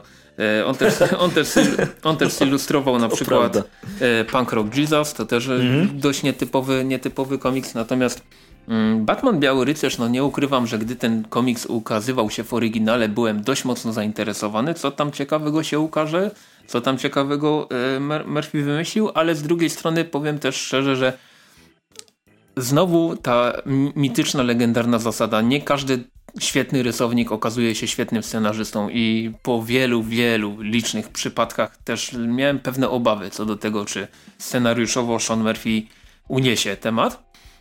E, nie ukrywam, że mm, e, opinie, do, które do mnie trafiały, chociażby naszego kolegi Damiana z DC Maniaka i tam jeszcze z paru innych e, źródeł, dość mocno sugerowały, że rysunkowo super, ale scenariuszowo takie ee, więc nie nastawiałem się na nic szczególnego.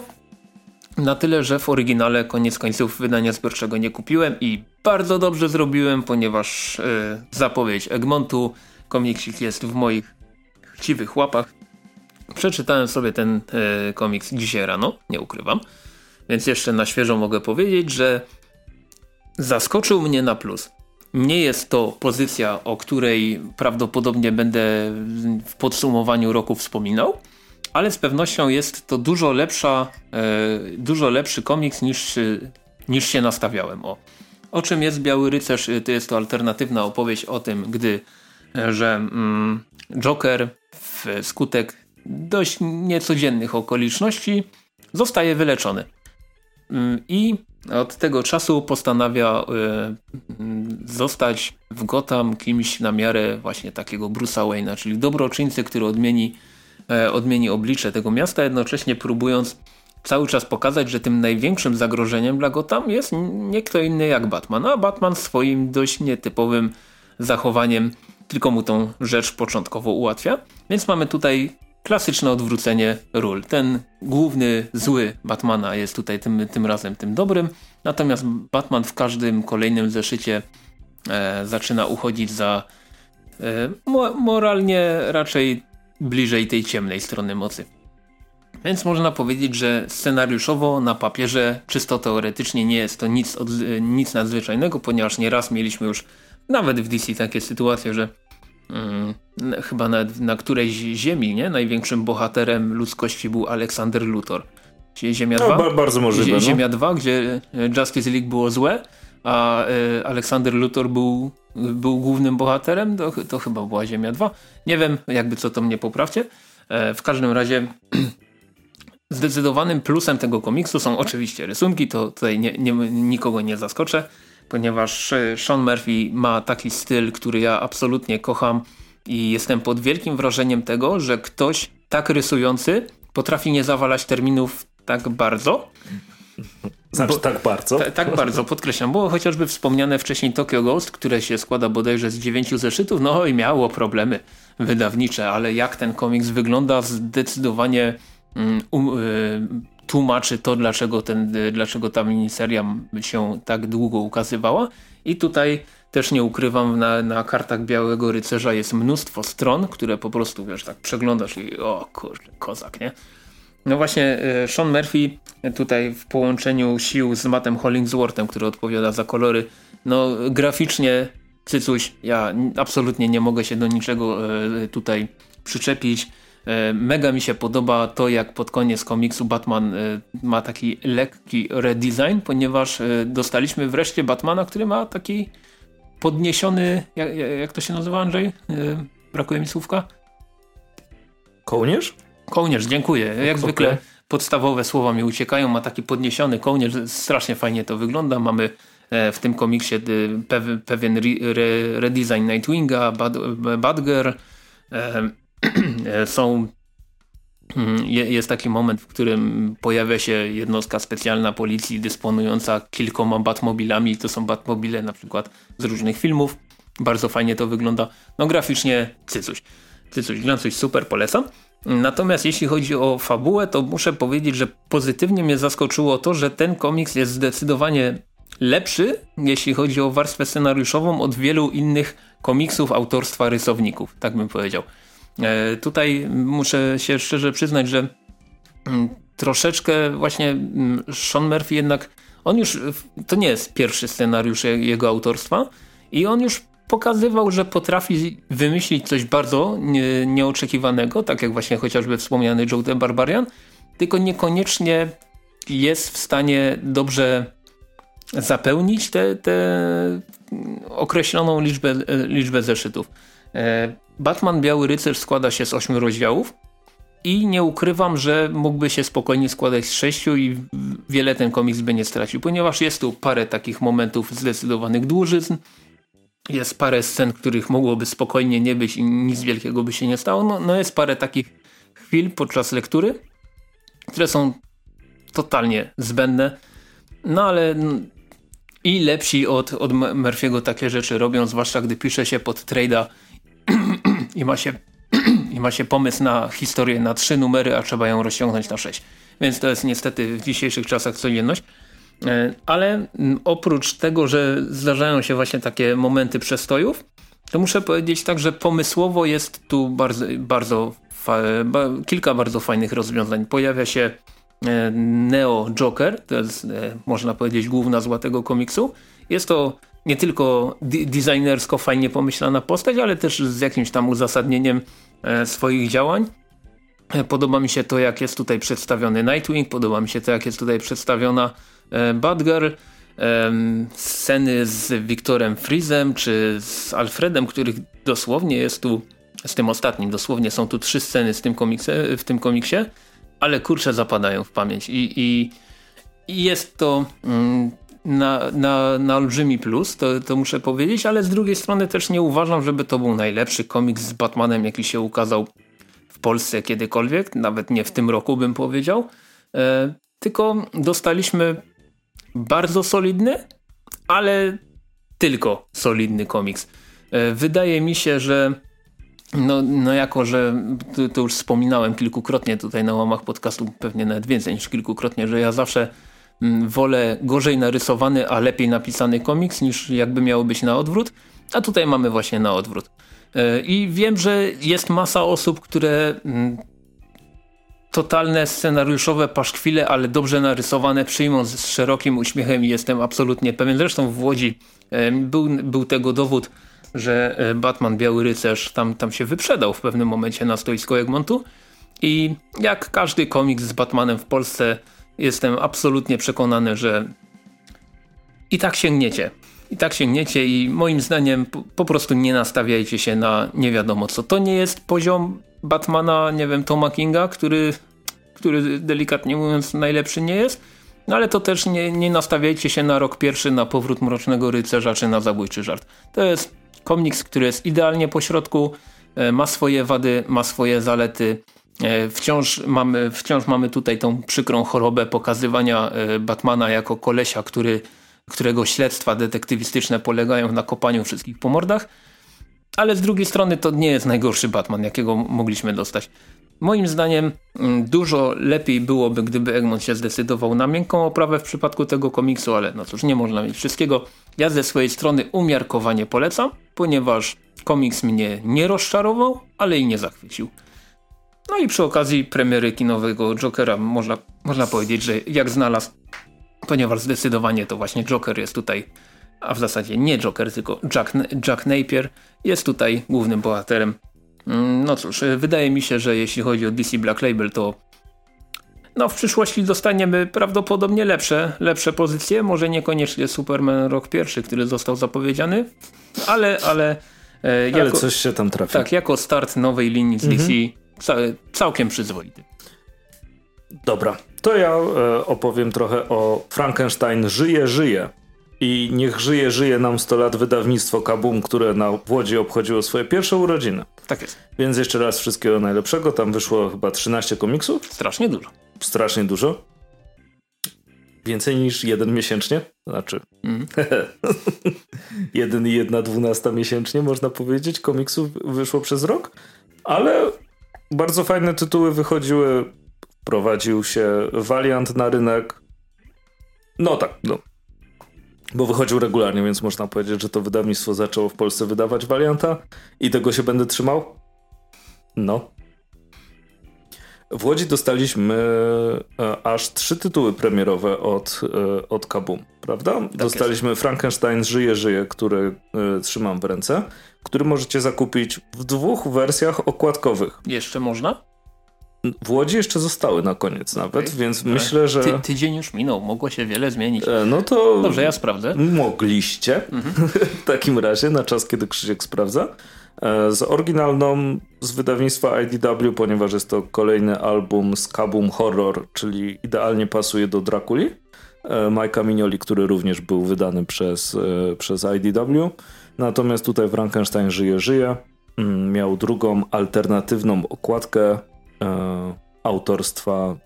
Co tam kiwasz głową? E, jest dostępna jeszcze limitka na gildii. No, no to widzicie z e, piękną okładką Trusta. E, mogliście również zakupić na stoisku. Nie wiem, czy to da się wysyłkowo, bo wysyłanie plakatów to jest ogólnie dramat. E, mogliście zakupić plakat, co zrobiłem.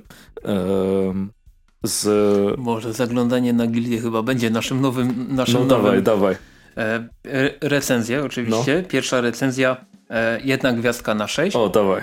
Jedna gwiazdka na 5 ze względu na brak rabatu przy okładce limitowanej. Pozdrawiamy! To przyznać coś do tego białego rycerza, czy jak to się na, na, nazywało, to żebyśmy spełnili nasz obowiązek podania chociaż jednej. Mm. No, e, tak czy siak okładka Trusta też jest e, super, bardzo mi się podoba, że na boku u Trusta też jest ten taki e, mały gadżet na grzbiecie książki, więc do mm. Drakuli by idealnie pasowało, ho, ho, ho, e, gdyby to miało jakiekolwiek znaczenie. I sam komiks wydany bardzo fajnie, mamy tutaj te oryginalne zeszyty, które rysował mm, Bernie Wrightson świętej pamięci oczywiście e, wszyscy wiedzą, że Bernie e, Wrightson to jest mega kozak i należy go zawsze szanować, gdzie tylko można. E, I oprócz tych czterech zeszytów mamy też mega dużo dodatków, gdzie możecie zobaczyć oryginalne plansze jeszcze z adnotacjami, e, zanim zostały zatuszowane. Zatuszowane. Hmm. Potuszowane? Zanim użyto tuszu, Aha, wybrnąłem. To, to nie jest Miniola. To, to, to nie jest Miniola, tak, tak. Mm. Mieliśmy teorię, że Miniola za pomocą taśmy malarskiej zaznacza miejsca, gdzie nie ma być dużo, a potem wałkiem po prostu jedzie po całej stronie. To, I to jest prawdopodobnie tak zrobione.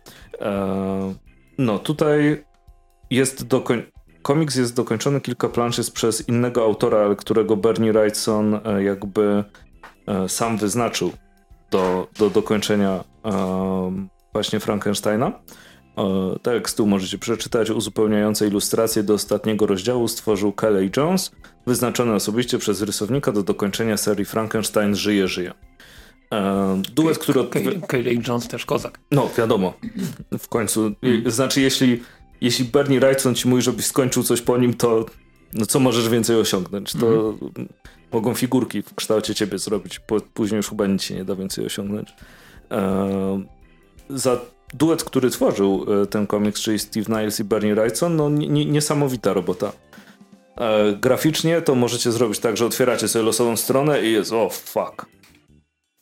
Co też Jak to wygląda? Co też uczyniłem przed, na, na, przed nagraniem. Znaczy, e, ja, ja, lubię minimalizm w komiksach, ale jakie detale Bernie Wrightson, bo, e, znaczy problem jest taki, że Bernie Wrightson tutaj całkowicie przyćmiewa e, jakby scenariusz Steve'a Nilesa. E, bo scenariusz jest super, historia jest bardzo fajnie opowiedziana, są e, bardzo fajne pomysły jakby o tym, e, jak potwór Frankensteina jakby stara się pogodzić z tym, że jest uznawany za potwora i że społeczeństwo go nie chce i tak dalej. I sposoby, w jakie próbuje to robić są no, no nie, nie, niesamowite. I czy to mamy pojedyncze kadry, które wyglądają świetnie, czy już jak, jak dostaniemy pełną stronę i jest rany, jak, jak to po prostu e, w, wygląda. E, idealnie się uzupełnia z tekstem ta czarno-biała stylistyka, która jest tutaj utrzymana jeszcze.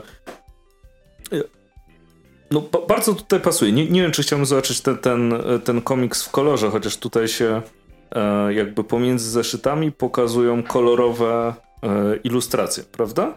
Wyglądają też, też niesamowicie światło, które tutaj pada, podkreślanie tych um, różnych cech postaci, e, ale ta czerni i biel jakoś tak pasuje do Frankensteina, do potwora Frankensteina.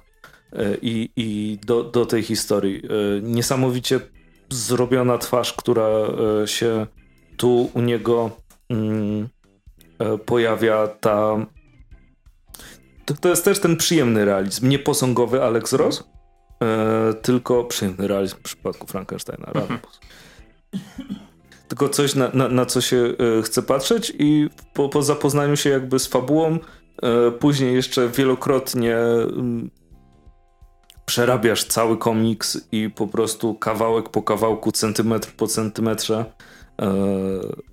przyglądasz się rysunkom. Chociażby tutaj, kiedy mamy mm, scenę w deszczu, no i jest deszcz w ogóle. Nie jest kozak. E, tutaj w tym rogu jest taki mały powóz, który zauważyłem dopiero czytając drugi raz komiks. Mhm. I no nie, nie, nie, niesamowite wrażenie robi i od czasu, znaczy ostatnim komiksem, który aż tak zrobił na mnie wrażenie był Mort Cinder. Graficznie. Graficznie, mhm. tak, tak, tak, tak, tak, tak, tak. Znaczy du dużo komiksów robi na mnie wrażenie, a, ale powiedzmy, że w tym takim klasycznym stylu klasycznym, realistycznym, czarno-białym stylu. E, to Brekkia, Brekcia. Autor Morta Sindera. trzeba było spytać na Mandioce, jak się wymawia to nazwisko, to bym się dowiedział. Raz, a dobrze. Mhm. E... Lub na stoisku Non-Stop Comics. Lub na stoisku Non-Stop Comics, tak. E...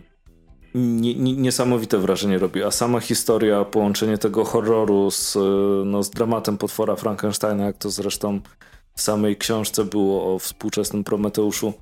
E, kosmos. To, to jest coś, co chłoniesz zarówno literacko, e, jak i obrazowo. Wspaniały komiks i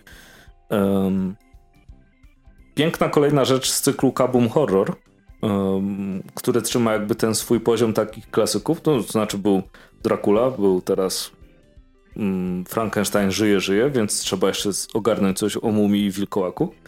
E, jak, jak, tylko się uda, ale to są takie horrory na, mm, na literackim poziomie, powiedzmy.